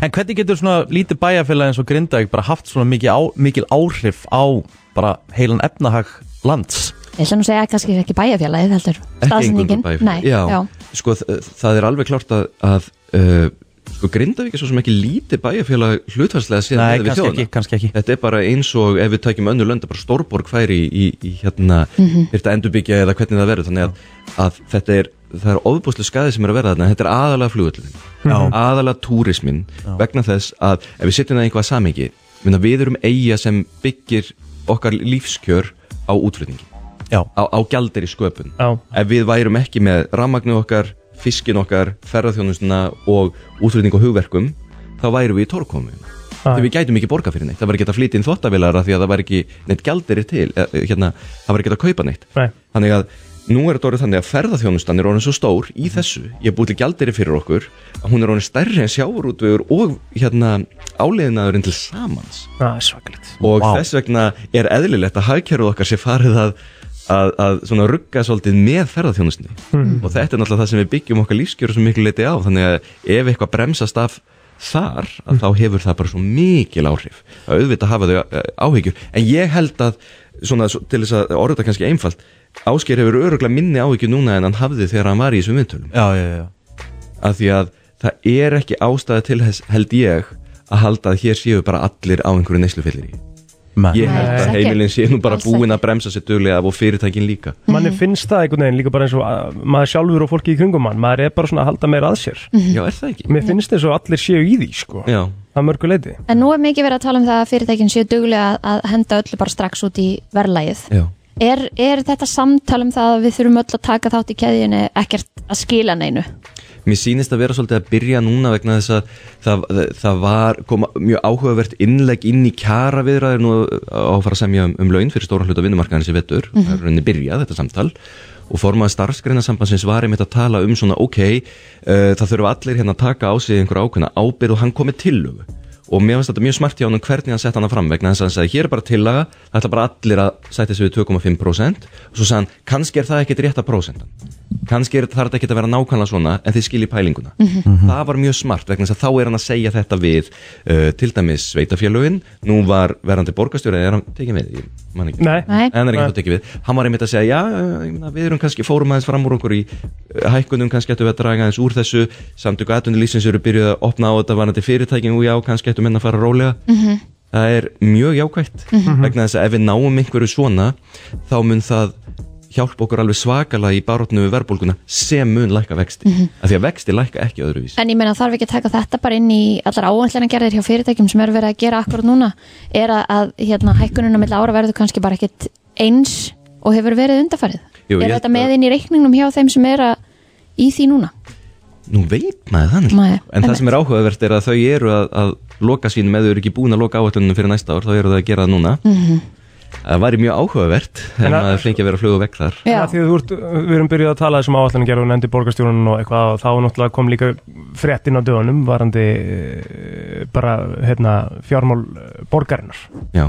og áallin sem að gerð þar er að það var reikna með hvað, 11 miljardar afgangi Mhm. sem endaði í 3 miljardar tapi hvernig getur það átt í stað Helviti, helviti, helviti mikill munur Já, það er góð eða spurning skilur við, því Já, já. áætlingar lítur að vera þú veist, bara Raunsæ það hefði er maður já, þú haldið. veist, ekki alla faktorinn í reikningin og mér finnst svo skrítið að þetta geti verið svona svakalegu munur Já, ég er alveg samanlegaði Ég spurði mig líka bara að þessu sama og það er ekki bara Reykjavík og Borg, það eru margir aðri sem að eru að kannski að réttlega þessu með því hvað vextir hafa hækkað mikið Mhm. og nú er ég að reyna að munna ef að Reykjavík og Borg um, eitthvað að bæta við skuldabrjöflokksinn ef þeir sem sagt gefa út uh, s- ef þeir taka lán, Mhm. ef þeir fara bara út á markaðin og býða fólk um að lána sér peninga þá er uh, Reykjavík og Borg að s- borga bara eins og við erum að borga overtröðu íbúðaláni sko. Já. vextinir eru alveg svakalega háir Mhm. og það er mjög erfitt að vera að rúlla áfram dýr og apparatis og reykjaukuborg og þannig vöxtum þannig ég skil alveg að þau vísi í, í svona lagað og svo hafa þau verið að vísa í það að þau hafa þurft að taka á sig ákveðna ábyrð sem að kostar peninga mm. hérna, varandi svona hluta félagslega kerfinu sem að ríkið hefur ekki þá verið að millifara á fyrir og, og svona ímislegt sem er í gangi Mm. ég skil það mjög vel en ég meina ef maður væri heimili þá væri ekki nóg fyrir mann að segja bara býtu hvað, hvernig gerist þetta það er einhvern veginn að díla Það er við þetta svona- og, það er svona og haldið passa það. upp á að þetta gerist ekki aftur þannig að nú býðum maður eftir því og ég meina borgarstjóra skipti er spennandi tími að því að það verður mikil pressa á nýjum borgarstjóra að, að laga þetta Einmitt. vinna á sem yfirdrætti og koma okkur í einhvern balans En Já, samt talandi um- kannski mörgum málum Já, og talandi um yfirdrátt Já. Því að við erum nú að fara inn í desember og þetta er svona kannski Neyslu tímabil Neyslu mánuður, já, og margir sem einmitt detta einhvern veginn í þe- þessa grefju yfirdrátt, eh, smálán og, og allt þetta hvar, hvar getur maður kannski svona vara sig eða, eða er eitthvað betra en annað eða já það er það ef, ef staðan verður þannig að þú getur ekki annað Mhm. ef að, ef að sko að því að ég er alltaf að segja fólk heyrðu, bara ekki taka lán Mhm. Já. en ég minna, kannski bara gerist það kannski verður þú bara að gera Mhm. það Eh, þá er gott að hafa í huga sko, það sem er aðgengilegast og er verið að bjóða þér á þeim tíma er ekkit endilega það besta e, og þá er það í rauninni tvenn sko. það er aldrei best að taka smá lán eða neitt svoleiðis Mhm. en enni greiðslu dreifingu það það er alltaf versti hugmynd, versta hugmyndin það sem hún gerir er annarkort það að ef þú heldur og þú munir geta greitt þetta upp svona tiltölulega fljótlega aftur Mhm. í hálfu ári, einu ári max þá notaru innan gæsalega ódýrstu lánin sem er það að dreifa gre- kreditkortinu eða nota yfirdrátt Mhm. ástæðan er að það er ekki lántökugjald á þessu eða greiðslugjald eða seðilgjald og allt þetta þannig að þú borgar 17% vexti Vá, wow. sem er samt, hugsið ykkur, 17% vextir eru ódýrustu neyslulánin í dag ef, að þú nær, ef það er engin leið að bjarga sér ef fólk er í hólu og það er engin leið út úr henni og það er bara búið að herða að öllu og búið að reyna að skera niður og fólk er bara í mínus Mhm. og er bara með yfirdrátt og það er verið að rúlu þessu áfram með einhverju greiðsludreifingar þá verður að fara í miklu drastískari aðgerðir Mhm. þá verður að fara í það að reyna að skoða hvort að setja hendur þessu undir, bæti þessu við íbúalánið eða eitthvað slíkt Mhm. því að það er nú aðeins skárra að borga 10% til 17% Einmitt. en þetta er þannig, mér finnst að vera þannig sko, ef ég er að hugsa fyrir mig og bara aðstandendur það að bestu vextinni séu 17% á neyslu þýðir að það er bara bannað að haga sér svona Já. Mhm. Já. í alvöru tala, ef að það að gefa einhverjum jólagjöf eða fara í borgarferð fyrir jólin kostar þetta þá verður maður bara að sleppa sér í jólagjöf og sleppa sér utanlandsferð Mhm. þó það sé alveg óbúslega leiðilegt og ég held að fólk myndir bara skilja það Já. og maður reynir þá bara að gera eitthvað annað í staði Mm. En að því við erum búin að ræða líka þessi neyslu og við séum búin að halda eins á okkur, skilur hvað, hef- hvaða áhrif getur það haft núna þá í desember, bara strax í desember, sjáum við eitthvað áhrif á, á, á þessa neyslu hefðun okkar, er það bara að koma sér aftur eitthvað út í, í samfélagið og við þurfum að halda ennþá meira á okkur í janúar og februar og þess að það er upp á bara, Já, ef, sko, ef þetta er þannig að það dugar ekki til þess að fólk þurfi ekki að vera að taka sér lán Ah. Mhm. þá er þetta þannig að þú ert alltaf að rúlla á undan þeir einhverju snjóbólta sem stækkar og stækkar út af þessum svakalega háu vöxtum Mhm. þannig að ef að þú náðir ekki að spara fyrir jólunum hvernig ætlar þá að geta borgað janúarmánuð pluss desembermánuðin Mhm. pluss vextin af því Mhm. Einmitt. ég held að maður þurfi að hugsa þetta Já. og það, það er ekki um, þetta, þetta þarf að vera einhver samanbyrðu hjá okkur um sko, hversu mikið sársöka er ég til í að taka á mig fyrir það að fara á þetta jólalaport Mm.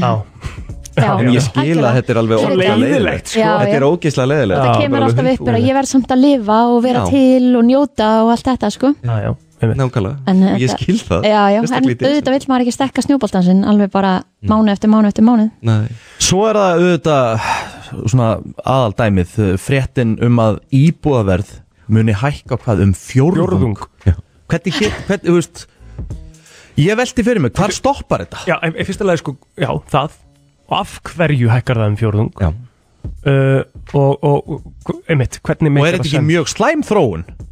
ég, ég meina það er skelvileg þróun ef að hérna ef að, ef að íbúðamarkaðurinn er eins og einhver einhver krakki að byrja að læra á beinskiptan bíl og bara einhvern veginn högtanda á einhverjum bara í einhverjum ótrúlega skrítin takti, það gengur enga megin sko. Nei, nei. en það, við þurfum að setja eitt fyrirvera við þetta það er enginn af stórum greiningaraðlunum búin að spá þessu Ok. Nei. enginn, Nei. ekki hagstofan, ekki sælabankin ekki bankanir, enginn af þeim sem eru að gera þessar stóru spár með stóru greiningadeildinar það er enginn að spá þessu Nei. það hafa hins vegar komið fram fastegnasalar sem hafi verið að spá þessu þeir vita svo sem líka alveg hvað þeir eru að tala um sko varnat íbúðumarkan, ég myndi alls ekki að dismissa því algjörlega og svo hef ég stundu vísað í það að samtök yðnaðurins sem eru, eru samtök sko sem eru í beinu daglugu sambandi við verktakana sem eru að byggja Mhm. þau hafa líka verið að vekja aðtegla á þessu þá, þá get ég sagt af hverju, þeirra, af hverju verið þeirra að spá þessu af hverju þetta er svona óþægilegt, það er það að íbúðaverð fer eftir einföldu lögmálu um frambóðu eftirspurn og það sem stýri frambóðin eru bara ákvarðanir um það að útluta lóðum og, og vilji verktaka til þess að byggja á þeim lóðum Aha. svo ertu með eftirspurnina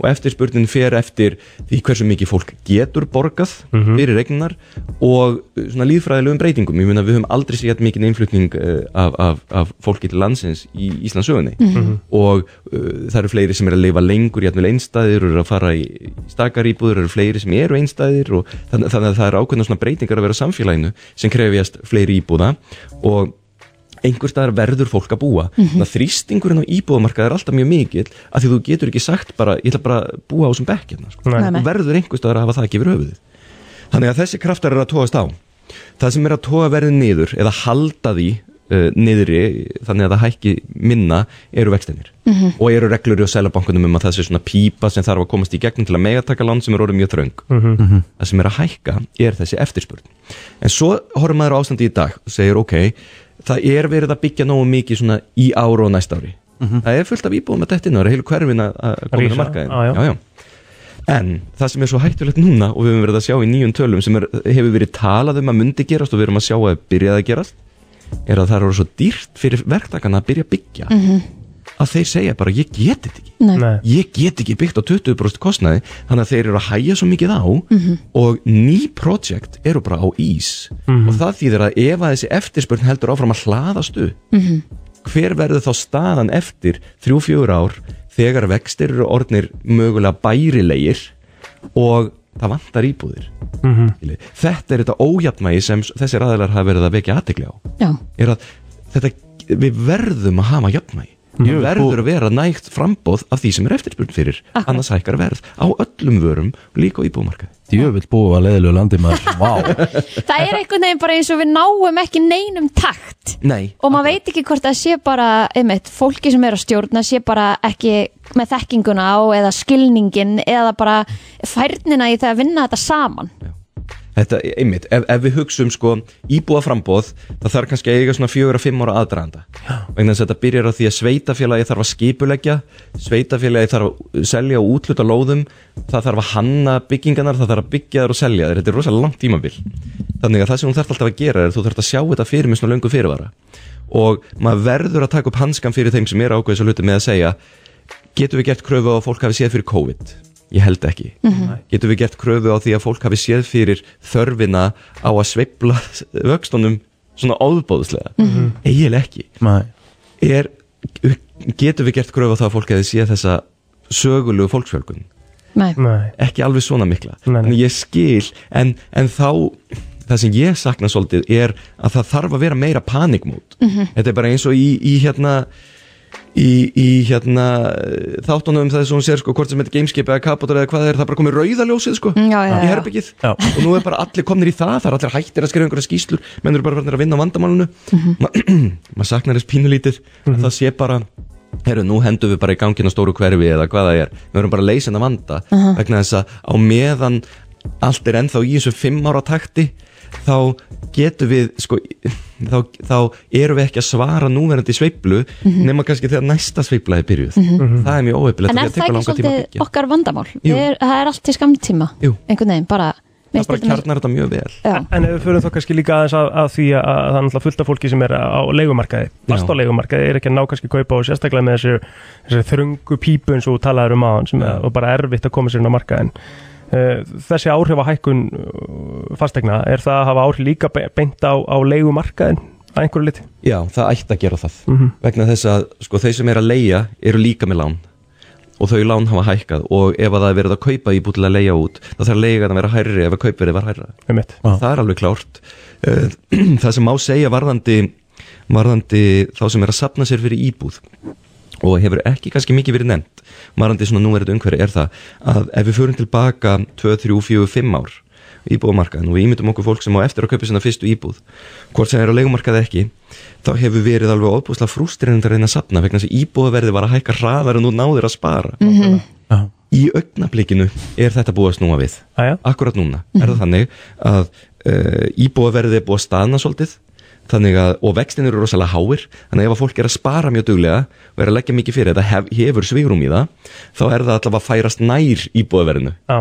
sem er Já, að já, gerast já. í fyrsta skipti í langan tíma Já, sem já. ætti að vera hvetjandi Einmitt. og er svolítið gott, fyrir utan það það er allir að sapna sérregnarsparnanum sínum og tíminn vinnur með þeim í því þannig að það er svo sem þetta er kannski þó að sé virkið þversögna því að síðan er alveg ömulegt að taka lán Mhm. fyrir kaupunum að þá er sparnarliðin á kaupunum kannski auðveldara núna en hún, hún hefur oft verið Þú nefndi séregnarsparnaði. Já. Fólk sem er ekki með séregnarsparnaði, hvað á það að gera? það á að skrá sig fyrir honum í dag vegna þess, jú, viðbóta lífri sparnaður sérstaklega, það er ein tegund sérna sparnaður sem er valfrjáls Mhm.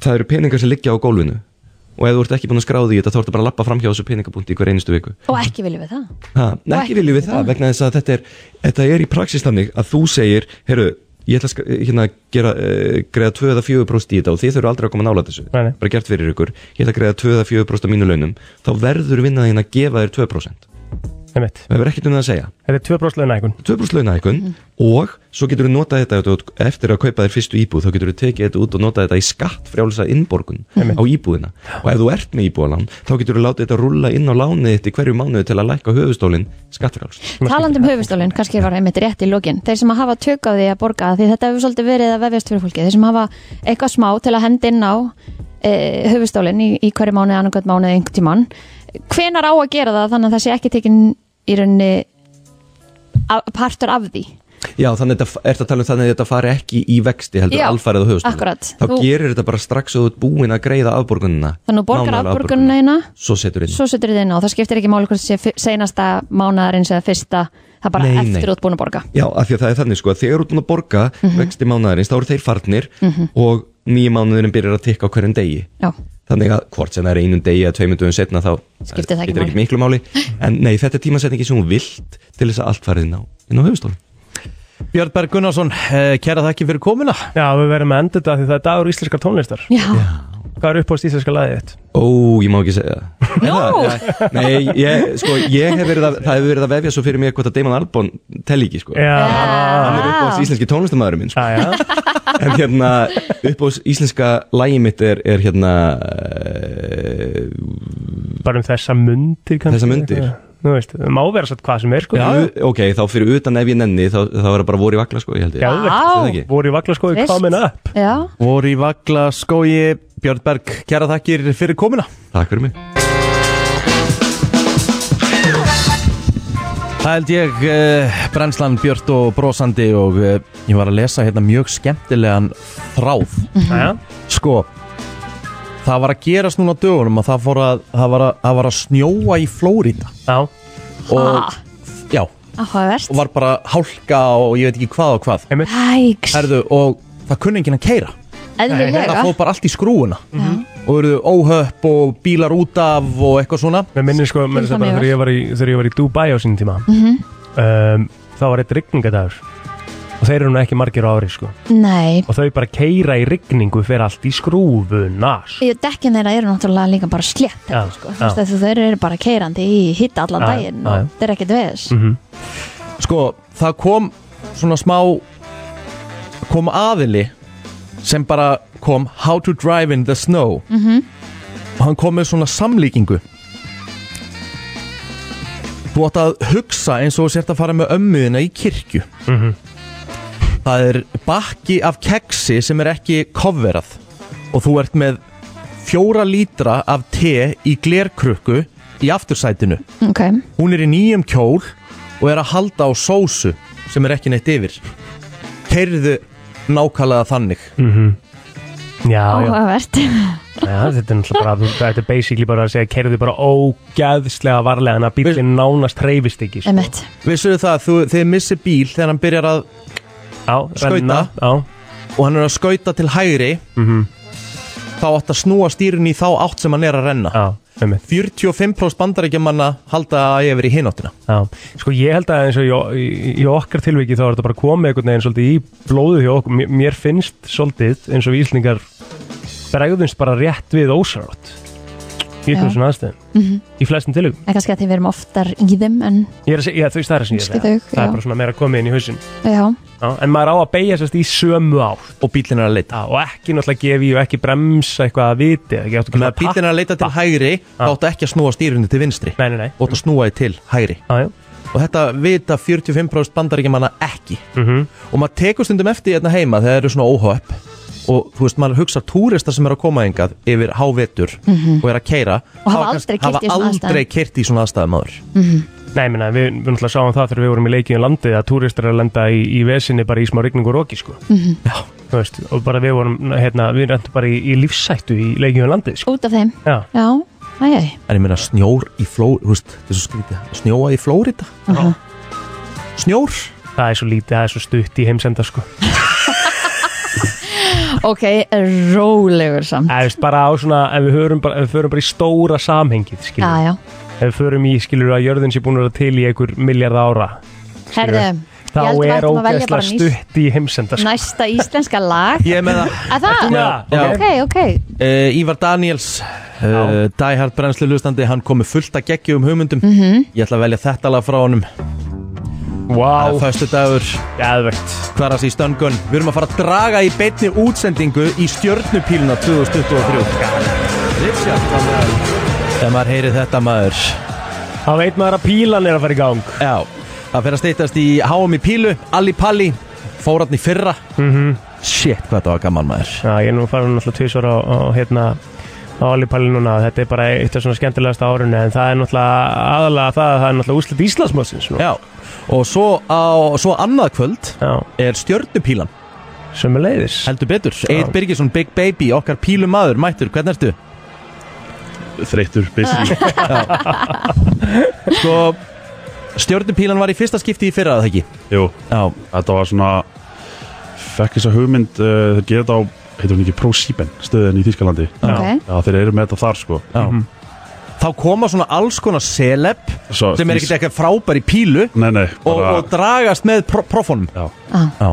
Þetta var virkilega skemmtilegt og gott TV í fyrra Já Það var stórkostlegt TV sko Það trendaði náttúrulega í Íslandi sko Já, já. Það er bara að þakka einu manni fyrir það Takk fyrir það, þetta var alvöru, þetta var alvöru fyllir í, ég hef ekki unnið það, ég kikkaði þessi með stjórnubílunum fyrir það, ég meina Hey, Er það það er ekki? ekki neitt glæpur Nein, ég Herðu, meina- En hérna, sko, við byrjum bara, þú veist, það er úslits Íslandsmótsins, er það í kvöld? Það er í kvöld, Já. eftir úrslitin í úrvalstildinni Já. er í kvöld Já. og ég er reyndar ekki með ég, ég, ég, ég er búin að vera með allar útsendingarnar þetta er alltaf ekki búin að renna í eitt ég er alveg viss hverju eru með, ég skal alveg komast að þetta smá hverju mætast ég er með þetta Það sem að mér langar að spyrja út í sko, stjórnubíluna er, er sko, í síðasta va- var fólk í pílu uh, út í sal, skilur á meðan á búlsæ, þú veist það var bara svona opið fyrir spjöld og eitthvað, en það var samt alveg að myndast hörku stemming að kráti þarna fyrir neðan, en það er breyting aðeins á núna Já, Skorri og kongarnir eru að búlsa eru sérst búin að svona loka fyrir spjöldin núna sem er á hliðanum hann fremst Já. og bara setja langborð Bara að það er allir Palli style. Allir bara Yes. palli stæl sko Já. og það kostar inn í kvöld það er hægt að kaupa miða á búlsa.is Mhm. en við ætlum bara að hafa frítt á morgun Wow. Ok, stórt Og sko, hvaða seleb er í ár? Það eru selebin er í ár það var svona ég fór svona svolítið íþrótta leiðina í ár þannig að það Ok. verður rosalega mikið keppniskap Mhm.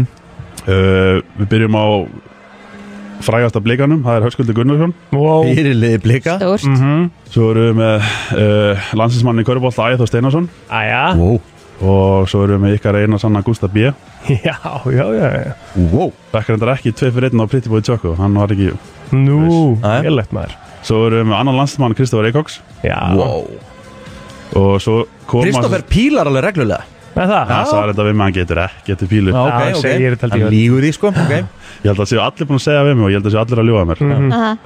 Hjálmar Örn kemur aftur Á, Mhm. Stórt. comeback Já, og og svo er ég með góðum minn hérna, Óla Ólafs landsinsmann og köruboltamann og grindag líka þannig að það er rosa mikið köruboltamönnum í þessi ár Já. svo fær Eva Rúsa sensin að Verja titilinn. Að sjálfsögðu hún verður aftur með herðið sem hún var með síðast Já. og svo að sjálfsögðu Richard Riki G Cream of the crop maður Sko og það er þú ert, Við erum bara að fara að draga hérna í beinni Já, Það er bara eitt lið klárt. Ætliðum að vera búin að því, það var eitt lið klárt og það verður Eva Rúsa og Hörður Guðjóns þau verður áfram saman aftur og, og hann hérna Halle Egil sem að er einmitt að eins og vönu í pílunum hann hannaði bóli í ár og þau fá sérstakka merta, stjörnumerta bóli Geðveikt. Ok, trillt Með titli Já, næs Alvöru Herra, hefur ekki þá bara að henda okkur í þetta? Jó, Hverjir eru, hverjir eru proffarnir? Herru, við erum með Halla Eils uh, Pétur Rúðrik okay. Körbólta Legend mm Mhm. -hmm. Svo erum við með Sigga Tom frá Skaganum okay. ég, ég, Hann er náttúrulega bara ógæsla fyndin og skemmtilegur Hann er eini sem að ég hef séð taka 180 í beinni útsendingu og taka fuggladansin eftir á Svo erum við Vítor sjálfsögðu. Mhm. Svo erum við með Alexander Veigar Grindvíking líka sem er svona, svona hann er náttúrulega yng- yngri kantinum að þessum öllum en er Já. einn af þeim bestu Mhm. Svo náttúrulega erum við með Örnin sjálfan, Mattias Örn Fredriks Mhm.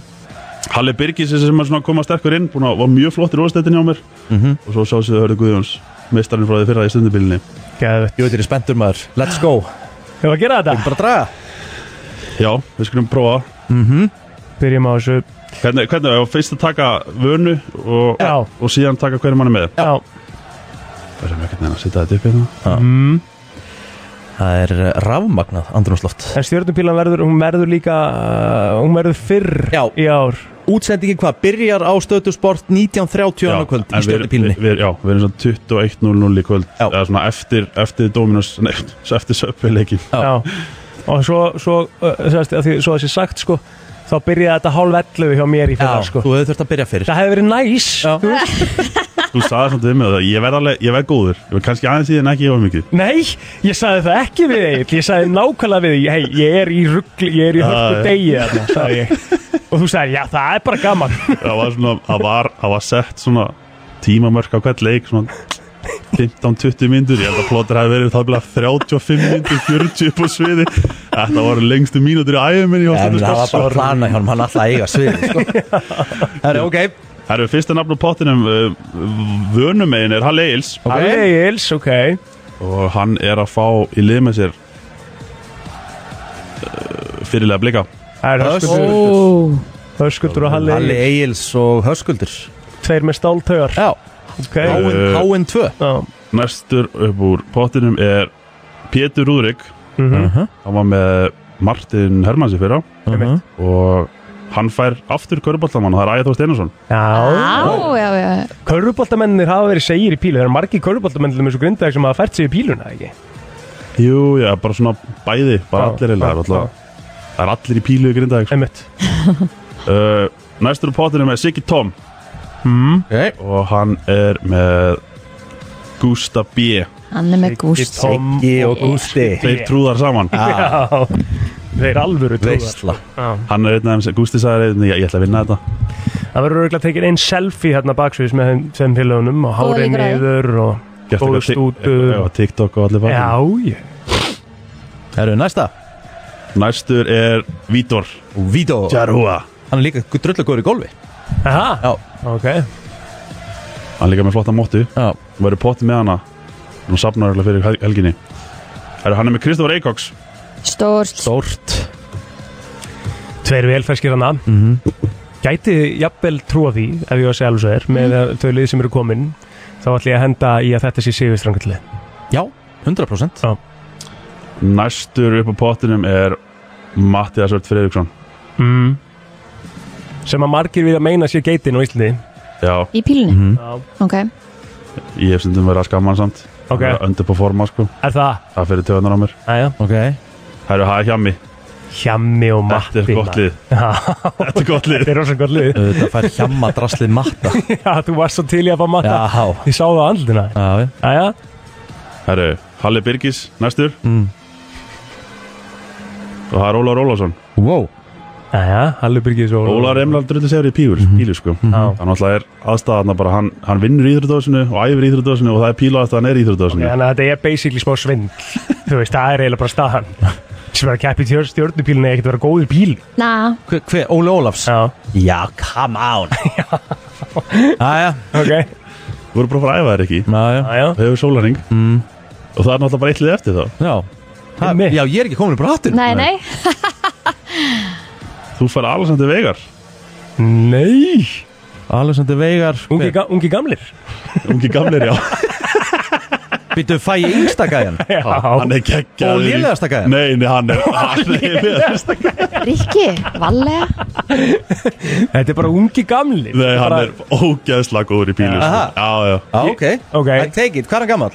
Hann er, hvað er hann, langar að segja hann sé 22 Já, já, Já, já, þetta er ég bara get gústi alltaf að gefa- bíl ég get alltaf að gefa honum eitt kaldan Já, heyrðu, ég held nefnilega, nú ætlum ég að segja þetta mm. Vítor og, og Chris Acox versus Alex og Rikki G verða, verður úslari mann Þú, þú ert með hróttalega makkar, Riki sko. Er það málið? Já, það er málið, sko Vá, hvað ég er ekki Ef hann Ég mætir á er ekki morgun að blása eftir þetta reyngjum í hérna á sko- honum, raskatöðum Nei, nei, nei, nei, nei. Ok. Hann- Hann treyði sér inn á úrvasteldina Hann þurfti ekki svona að fara í gegnum undakeppni Hann treyði sér með að rústa Reykjavík International Games Já, rífið í gangu mikið Herru, djúið alltaf ég að faðma makkarinn á morgun maður. Já, Alexander, can't wait ég held djöfull lakkaði til að horfa líka maður eh, 19.30 hefst úrslitning á stötu sport á morgun, hengi Jú, og 21 í kvöld 21 í kvöld úrslitin uh, í úrvastildinni í Pílum á Íslandi Egil, hvað er uppáhalds uh, íslenska lagið þitt? Við erum á degi íslenskar tónlistar Ég er búin að vera að spila rosalega mikið Nýra miðbæ núna uh, Eitt dans með Pál Óskar Mm. Mm. Mm. Það er alltaf gott maður Það er alltaf Það gott er geggjalag Það er eitthvað svona Þetta gott í- var Mm-hmm. bara einn dans Já, maður Herru, takk hérlega fyrir komuna uh, Egil og við minnum á stjórnupíluna útsending uh, annað kvöld fyrir stjórnupíluna 19.30 en úrvalsteldin í kvöld klukkan 9 Yes Takk fyrir Takk. Brennslan, Björt og brosandi á föstu degi fara að síga svona setni hlutan hjá okkur en uh, við erum að fara að tala aðeins um barþjóna keppnið ekki? Jú, heimsmeistaramótið sem að var verið að halda í Róm núna er verið að halda og ég held hans ég mættur á línuna uh, fulltrú okkar Íslendinga Gretar Mattiasson Góðan dag! Hæ, hæ. Já, góðan daginn. Hvað segið þið? Við erum bara þess. Hvernig er búið að Það er ekki ganga? hægt. Þú fórst Það í er bara úrslitum í, mjög í gæri þegar ekki? Jú, ég, það voru sem sagt 67 lönd sem kæftu í fyrra dag og ég komst í 15 manna úrslit í gær. Vel gert Og, en ég, ég komst í meður ekki í 30 manna úrslit sem varði í kvöld en, Já, þarna, en ég fæ að vita samt sem að vera í kvöld hvort ég fái gull, silfur eða brons í mínum flokki. Ok, trillt Og hver var þinn flokkur? Það var sem sagt eftir dinnar. after dinner Bókteila sem koma í staðin fyrir eftir þetta, Já, ok ef maður segja. Já, Og það eru oft koktelar sem eru vel uh, sterkir Já, og sætir. Já, ok Já, smá svona Og, og þú finnur kannski ekki fyrir áfengisbræðinu. En hvaða koktel gerður þú svona f- fyrst í þessu 65 manna úrslitum? Hvað var koktelin sem að, sem að fleiti þér áfram? Herru, hann heitir eh, Candy Lemonade, sem sítrónu og perukoktel. okay, Jam Góð blanda Já, Og hvað segðu okkur meira frá hann? Hvað, hvað setur í þetta? Herru, hann er, hann er svolítið búsi, eins og segir. Það er eh, limoncello, Já. grandmannan í er, sítróna og, og perusíróp sem er uh, gert úr brandi. Þannig að það er nógu áfengi. Jésús Ok, en limoncello, gott, grandmannin er, gegja Og svo peru síróp sem er Já. líka áfeng, áfengt Já, það er gert úr perukonjaki. Já, já, já Ertu hérna, eh, þú veist, þegar þú ert að þessu, skilur Þú ert náttúrulega alltaf að smakka og pæla og eitthvað Ertu alltaf börsaður að? Nei, maður reynir nú að spýta sem mestu, sko. Já, Maður getur ekki verið að gera þetta fullur, sko. en nei, það er kannski vera En verður hægt að að smakka drikkin einhver staðar hérna? Drikkurinn er á sæðli á Blik Bistró í Mórsbæði. Já, næs Þannig að verður hægt að fá hann í eftir eða þar Já, já, já, já. Við hvað- verðum bara um helgina og fengið eitthvað eitt. Gerður annan drikk þá í, í gæra? Nei, þá var, já, svolítið uh, langur dagur. Þá byrjaði með skiluguprófi Mhm. sem hefur verið að spyrja um alheimsamtökin og, og koktela bara yfir höfuð frá 1951 Ok, og svo kom í kjálfarið þess að bragð og lyktarpróf sem að við fengum bara já, nok, eh, 12 sekundir til þess að þefa eða bragða einhverju og segja hvað það væri já, og það voru eh, uh, 32 element sem við þurftum að greina og svo í kjálfæri kom sem sagt hraðakeppni sem að þú komst upp á frið og þurftir að vera búin að læra 101 koktel utan bókar fegst spjald með 5 koktelum á þurftir að sjá það í 10 sekundur og þurftir að taka allt saman til og gera koktelum á Já Það er aldrei list það fór, já, misvel hjá mörgum þetta var svolítið Emmett. þetta, þetta var rosalega, það var 7 mínútur þess að búið til koktelum og já, mm. þá sko Hvað er þetta að fylgjast með, Gretar, svona, hérna, hvernig þetta fer hjá þér í kvöld upp á, upp á eins og varst að nefna í þínum flokki? Hvað getur maður séð svona og, og fylgst með? Það er að byrja sem sagt uh, livestream á í íslensku tíma held ég klukkan 6 Mhm. þar verður þetta að fylgjast með úslitakeppninni Mm. sem eru þrýr að keppa því það er sem sagt Ungverðarland, Puerto Rico og Hong Kong Mhm.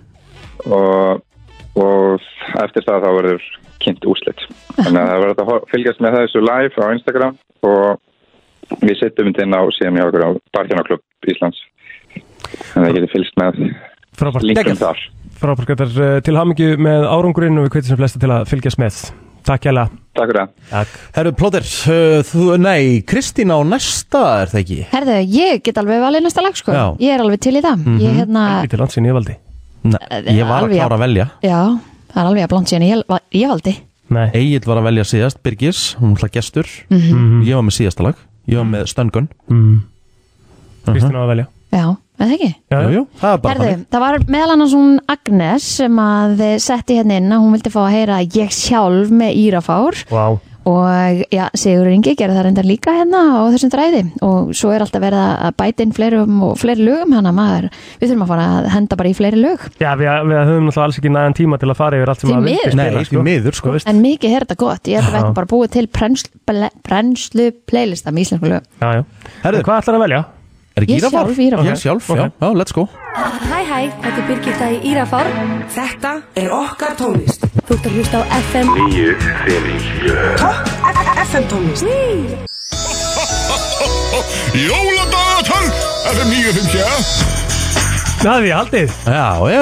Við ætlum að opna fyrsta gluggan. Herðu, heldur betur um, Þetta verður uh, þannig fram að jólum Mhm. að við munum koma til með að setja á hverjum degi eitthvað næs inn Jep. í, á Instagram Já. Þannig að við hvetjum alla til að uh, já, follow okkur á Instagram því að við erum alltaf að gefa eitthvað anninni Mhm. og svo líka tilkynum við hvað við ætlum að gefa henni í loftinu Einmitt. Þannig að stundum gefum við Instagram, stundum gefum við í loftinu Mhm. og í dag ætlum við að gefa í gegnum síman Mhm. Wow, þannig að við- við erum að gefa núna í dag. Eh, Við erum að gefa núna Ok, og bara Hey. við byrjum við 511-0957. Já, og við ætlum að gefa Nespresso aðvendu dagatal. Það er vinningurinn í dag og uh, það verður fullt af flottum vinningum sem að verða í þessu jóldagatali. Við ætlum að gefa hérna gjafabrið frá Kölska, við ætlum að gefa spil, við ætlum að gefa hérna fullt af trilltum vinningum frá Eirberg, áskorti bíó, uh, geggja vinninga frá Elko og svo verðum við með styrlaðan vinning frá Play. Þannig að það verður hellingur af flottum vinningum í þessu jóldagatali þannig að ég hveti ykkur til að fara inn á Instagram síða 5957, fylgi okkur þar og þar getur þú séð hvað við erum að gera okkur með einsta deg. Nespresso aðundudagatal þýðir að, að það er náttúrulega betra að þú átt Nespresso vél heima hjá þennu þegar. En veistu það, ef þú átt það ekki þá getur þú bara nýtt þetta í eina auka jólagjöf fyrir einhvern sem á kannski til dæmis en espresso Frábærbundur. eða bara kiftir vél Já, mitt fyrir utan það. ha, Ég minn Nespresso Hugsum heima, hérna í ég lausn. elskar Nespresso vélina mína. Já. Love it, sko. Já. Þú ert sá hefni eða hefna, góðan dag Góðan daginn Góðan daginn Hvað heitir þú? Sigurður heiti ég Hver son er Sigurður? Þóris Sigurður Þórisson og uh, Átt þú Nespresso vél? Ó, já, já, Nespresso Við heyrist þú vera mjög gladur með hana Ég er ógeðslega glaður með hana Ég átti, ég átti hérna Sensei á undan og það er bara, það er bara piss með Já, já, það er alveg svolítið himinn og haf, sko. Já. já, Ok, næs. Þannig að þú varst að, uh, já, til hamingju, þú varst að opna fyrsta gluggan, þú varst að vera fyrsti vinningsafinn uh, þessi jólin hjá F957 til lukku með það maður. Jækja Ertu komin í jólafíling?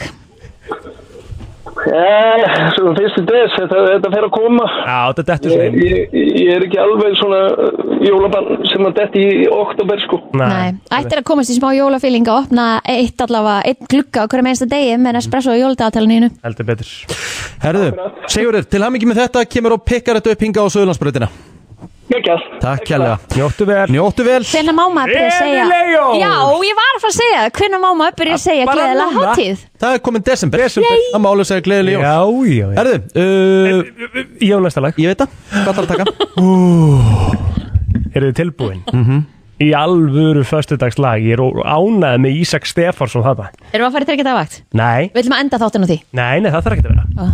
Það er bara, hérna, þú veist, það fer- kannski er ekkert komið að þér í lok þáttar, sko Jæja Herðu, við ætlum að fara í ultra mega teknobandi Stefan og við ætlum í lag sem heitir Story of a Star Þetta er rosalegt föstudagslag, sko Story of a Star með Ultra Mega Teknobandið Stefan Takk Choose your own offline Hvað segir þið? Já, já, þá koma auðlýsingar að sjálfsögðu Ah, hann Ég sé skil ekki ekki hlustað á akkur, akkur, Ultra Mega akkur gegn já, þér, en, eða? ég, sko, en ég skil ekki akkur FM spila aldrei Ultra Mega Technopathy Stem Voru þeir ekki alveg vinsælir á sín tíma? Jú, jú, voru svona smá kannski aðeins Voru þeir svona köll Þeir voru smá, köll, svona smá underground kannski fílingur sko.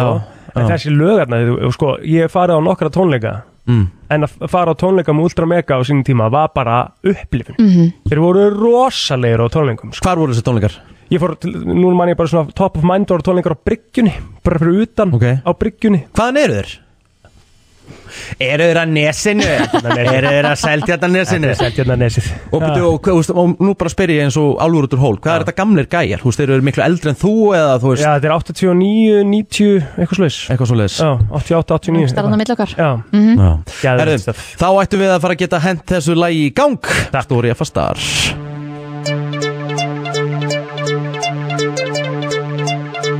Komið að þeim virta Vissir þú að abar kúka bara einu sinni í viku? En vissið þú að selir gera í raun ekki neitt? Tilgangslösi móli dagsins Í brennslunni Já Ég er með smá mótir Já, frábært, þú mátt bara byrja að gera svo vel Herðu mm, Byrjum á uh, Sko Mhm. Og ég að byrja Nei, ég er með þetta Freddie Mercury Átti brjálaðan aðdáðanda ah, Ok Á hvaða leyti? Einn, ein, ein, neða, svona þú veist, bara die hard fan Ah, Já. já. Og það var engin smá fan En það var Diana prinsessa Nei Ok, stórt Hún var bara, hún var obsessed á Freddie Mercury og hann hjálpaði henni einu sinni inn á, tón, eða, sem sagt, inn á bar það sem þeir voru að spila Aha. og uh, setta hún að hermana jakka og sólgleru og allt til þess að þú veist, fela þetta disguise Villa fyrir um. Villa fyrir um Sko, ég myndi alltaf frekar ef að veri verið að reyna einhvern veginn að fela frægan og með sitta hatt og sólgleru og eitthvað, Mhm. þá myndi ég alltaf þegar þú stendur svona út í einhverju kráti þar sem engin annar er með sólgleru og eitthvað, þá myndir alltaf horfa og hugsa bara, ok, hver er þetta? Mhm. Í staðan fyrir bara einhvern veginn að reyna ég veit það ekki, að normalæsa þig frekar. Sko, sko Díana á sínum tíma var líklega einn frægasta manneski heims Eh, b- eh, 100% þú veist, og Já. bara allt á röndum þú veist, bara hún átti ekkert privacy sko. Nei, þannig að hérna uh, hún gæti ekkert gert eitt annað heldur en að reyna að fela sig eitthvað skilur já, en þú ert aldrei að fela þig með því að vera svona ábyrgandi Ertu Er eitthvað það ekki? Já, þú veist, ef að þú, ef að þú lappar neyri bæ og þú ert bara einhvern veginn bara með einhverja svona 66 gráð norður húu og bara í einhverju svona vennileg, bara svona normal Mm. eða þá þú kemur bara í einhverjum byluðum pels með sólgleru og einhvern Já, já, strútshatt já, skilur já. þá veist alveg að, já ok þetta er einhver, er einhver. já, Nei, að googla fyrir mig hvað var Albert Einstein með í IQ Var var það ekki alveg einhver styrlu? Við tókum þetta um dag Já, ég Já, veit það, einmitt. ég er meitt hérna Ég, bara, ég man ekki hvað hva var Milli 160 og 180 Já Getið ímyndað ykkur Rowan Atkinson sem að leikur Mr. Bean Mhm. Hann er með IQ upp á 178 Emmett Já Hann er með næst hæsta IQ-ið af Hollywood celebrities Hæsta IQ-ið af Áttu við ekki þessu umræð? jú, mér minni það Já, ok, hann er að glemma Vonandi þessu vita. En En hver- hver er hver það? var aftur sem átti hættu? James Woods Einmitt 180 til 184 Wow við, og við þurfum að fara í IQ-próf Já, tjóðlari til Við reyndum að gera þetta Já, þegar það við er tókum ekki hægt þessu að umræðu. gera þetta á netinu Þú veist, Nei. Við þurfum bara að fara Það er að setja einhverja, einhverja ringi inn í einhvern kassa og eitthvað Já Já, já Það eru eftir með eitthvað? Já, ok, ég held að við erum bara svona eitthvað komin í, í, í hérna frægafólkið mm. En að vera einhleip eða einhleipur Mm. mun uh, spara þér þúsund sinnum uh, minni sérst, me meiri stress þú veist, þú ert minna stressaður heldur en að vera í raungu sambandi Já, það meikar að vera alveg bara sens einn með sjálfur sér Mhm. Vissuðu það að bítlarnir, allir bítlarnir þrýr horfðu á George Harrison missa sveindómin og fögnuðu þegar hann kláraði Új Emmitt Ha, mm. Creepy mm -hmm. virkilega? 50% af kallmönum halda nefn fullri uh, bara er bara með á 100% að þeir geta lent uh, þóttu með, með farþegum í ef það kemur eitthvað emergency Og hvað þetta kemur ekkert á óvart einhvern veginn 50% kallmanna sem hugsa bara eitthvað ok, ef eitthvað kemur upp á þá get ég Þá alveg lent get ég þetta alveg, þóttu Þið eruð, þið eruð hérna Þið eruð mjög sjálfsöryggist Ég er ekki í sko. þeim 50% af flokki Ég myndi frekar hoppa út sko Já, já Myndir þetta ekki reyna? En sko ég held, Jú, ég ég myndi held að Egil myndi alveg vera þarna Hann bara myndi halda hann- það. Já, þið Ég held að ég geti þetta alveg sko. Akkurat, sjáðu, það er akkurat þarna 50% Ég held þetta sé ekkert svona flókið sko. Það er bara gert þetta flókið til að þú veist að það sé einhverju takkar og eitthvað þú veist í grunninn þarf þetta ekki að íta neitt sko. Mami. Bara stýrið og svo bara aðeins að toga þú ert að lenda, fá, stí, fá nefið aðeins upp skilur lenda Algjörlega. aftan á Algjörlega, aftan á Algjörlega Tónlistamæðurinn Prince Hann var undrabarn í einni íþrótt Ég ætla að beða ykkur um að giska Hvað haldið að Prince hafi verið undrabarn í Og það, það bara Hann hefði getað náð, náð mjög langt Húst, ef, ef þið googlið Prince Tennis Nei Þetta er bolta íþrótt Já, ég ætla að segja nefnilega ég ætla að segja uh, körfubolta en hann hafði ekki stærðina Rétt Aha.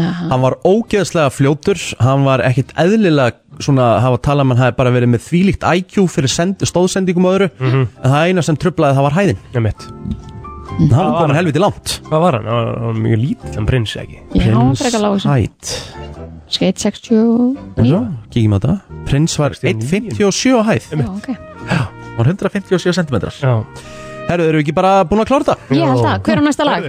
Næsta lag Auglýsingar og svo lag Já, hver á næsta lag?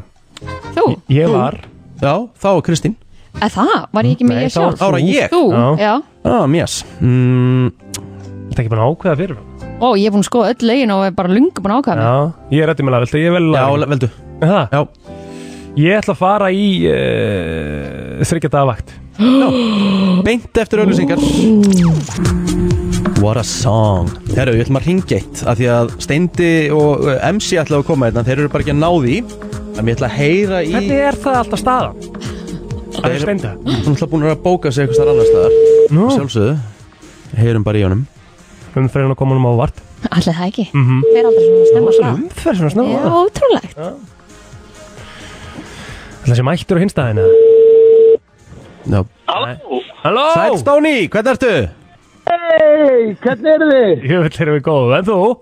Ég er góður maður, herru, ég og Gautmundur erum á leiðinni maður Nei, Erum ma- við í byrni? Við erum, við erum eiginlega bara að klára þess að þurfa að taka úr á síman sko Já, ég, ég skilði bara mjög vel Ég, hérna, þetta er Það er bara, uh, Gautmundur bóka okkur á sama tíma annað, þetta er ekki hægt Hvar eru þið á leiðinni? Þú veist bara svona, ég er bara að velta þessu fyrir mér svona. Herru, við erum hérna, ég er hjá Rauðavatni Já, Ah, já, já, leiðinni Já, já, Þátturinn, það er já tíu myndur, það er nýju myndur eftir að þættinum stendi, sko Ég, ég var líka að taka ranga beigi hann að nú er ég að leiðin upp í Norlingarholt, sko, þetta er allt í rugli, sko Þetta er bara ekki hægt Þetta er steindalegast í heimi Já Herru, við erum bara á leiðinni Rauðavatn Ég er bara mættur og Norrlíkuráttir með þetta Herru, þið voru að gefa út lag, þú og Gauti Herru, við vorum að gefa út lag, ég og Gauti og partíjól og þetta er bara þetta er bara partíjól og, og við vildum ekki vera að flækja titilna því að það er bara til bara til hellingur af góðum jólalögum ég, hérna, uh, ég, ég held með öllum jólalögum ég er jólabat eins og þú er ekki Já, ég elska það Ertu alveg harkalegt jólabarn, eða? Eh, Í soldi, þú veist, ég hérna náttúrulega í desemberbann og, og bara, þú veist, það er búið að skreita heima og þetta er alveg svona stemning. Myndur þú gifta þig á aðfangadag? Ertu það mikið jólabarn? Sko, ég hef aldrei verið sammála strákunum að drulli við það, sko. Ég bara, meðast að, ég stiði í þessu. Takk. Sammála. Takk. Já, þú veist, Kristín Já, og Rikki ég hafa nú styð- vind að vera að tala með þess að algjörulega fáránlega pæling, sko Nei, mér finnst það bara frábært Já, sko, ég manna strákarnir voru bara, þeir trúðu sig Þeir voru í að- sjokki. Já, já. Ég meina, já, ég meina, hvað akkur ekki, má ekki eh, eh, eh, hendinu ringa og fingur og aðfann þetta. er Mm. Já, það nei, sem- því að þú ert að, þú, ert, þú ert að taka dag sem er svo fallegur og er svo næs og er svo mikil hátíð til þess að í rauninni Og er það ekki bara akkurat moment til að fagna ástinni Nei, nei, nei, þú ert að og... dubla á degi En ég skilur, meina, þú þú veist. veist- Nei, þú ert að dubla á degi í staðan fyrir að dreifa skilur álæginu á tvo góða daga En þetta er satt alltaf fyrir klukkan 6 dæmi, þú ert bara heima á bumbunni og Það er nefnilega málið, það er ekkert í gangi fyrir klukkan 6 Ekkert að gera sko, Nei. bara í sósónum og En það er akkurat er alveg gifti, ég, Rikki, ég er með þér í þessu, ég hlusti ekki á það Herðu, við ætlum að enda þáttin á læginu, Stóni Herðu, Og- og Gauta. það er Það er þvílíkur, það er þvílíkur heiður, við hérna, já, þetta er bara, það er rauninni og lítið sem það er að kynna, þetta er bara, þetta er bara bupp, sem er, hérna, sem er okkur finnst svolítið skemmtilegt og, og hérna, og bara mikil stemning og mikil partí og við ákvæmum að taka pop-up tónleika, við fórum á ferðina og vorum hér og þar að spila á ellihimlum og fiskibúðinni og alls konar, Mhm. og búa bara til svona stemningu og, og hérna, Og, og já, ég vona bara að fólk hækki græðunum og, og, og blasti. Lægið kom að Spotify og þetta er bara stemning. Stóni og Gauti, til hamingi með singulinn Takk fyrir að eh, taka síman Já, takk hérlega fyrir að hringja, verðum í bandi. Herðu eh, Þá komum við að þessu, þá komum hvernig við verður þessu. helgin eitthvað strákar? Vinnuhelgi hjá mér Mjög róleg helgi Ég Mm. hérna, er bara með pössun í kvöld Ég er að passa á frenda minn og svo er ég bara ammali hjá öðrum frenda, frenda mínum á morgun Flóki er að halda upp ammali sitt og... Mhm. Þannig að þetta er bara róleg, þægileg helgi Æðislegt. Gækjað Já. Herðu, hefur ekki brenda á partíjól? Ég held það, við þökkum bara kærlega fyrir vikuna Við verðum hér aftur á mándagsmorgunin á slæðinu sjö Blessi bíli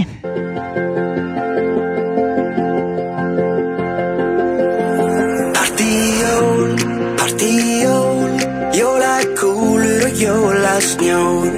Partíjól, partíjól, wow. oh, Það er til nóa lögum um rómanslíu, jólasvein og snjó. En ekkert solid fokkin lag um partíjól. Shout out á lagerinn, shout out á gómana Shout out á mömmutnar og litlu jólablónana Við opnum fyrsta klukkan tólf Ég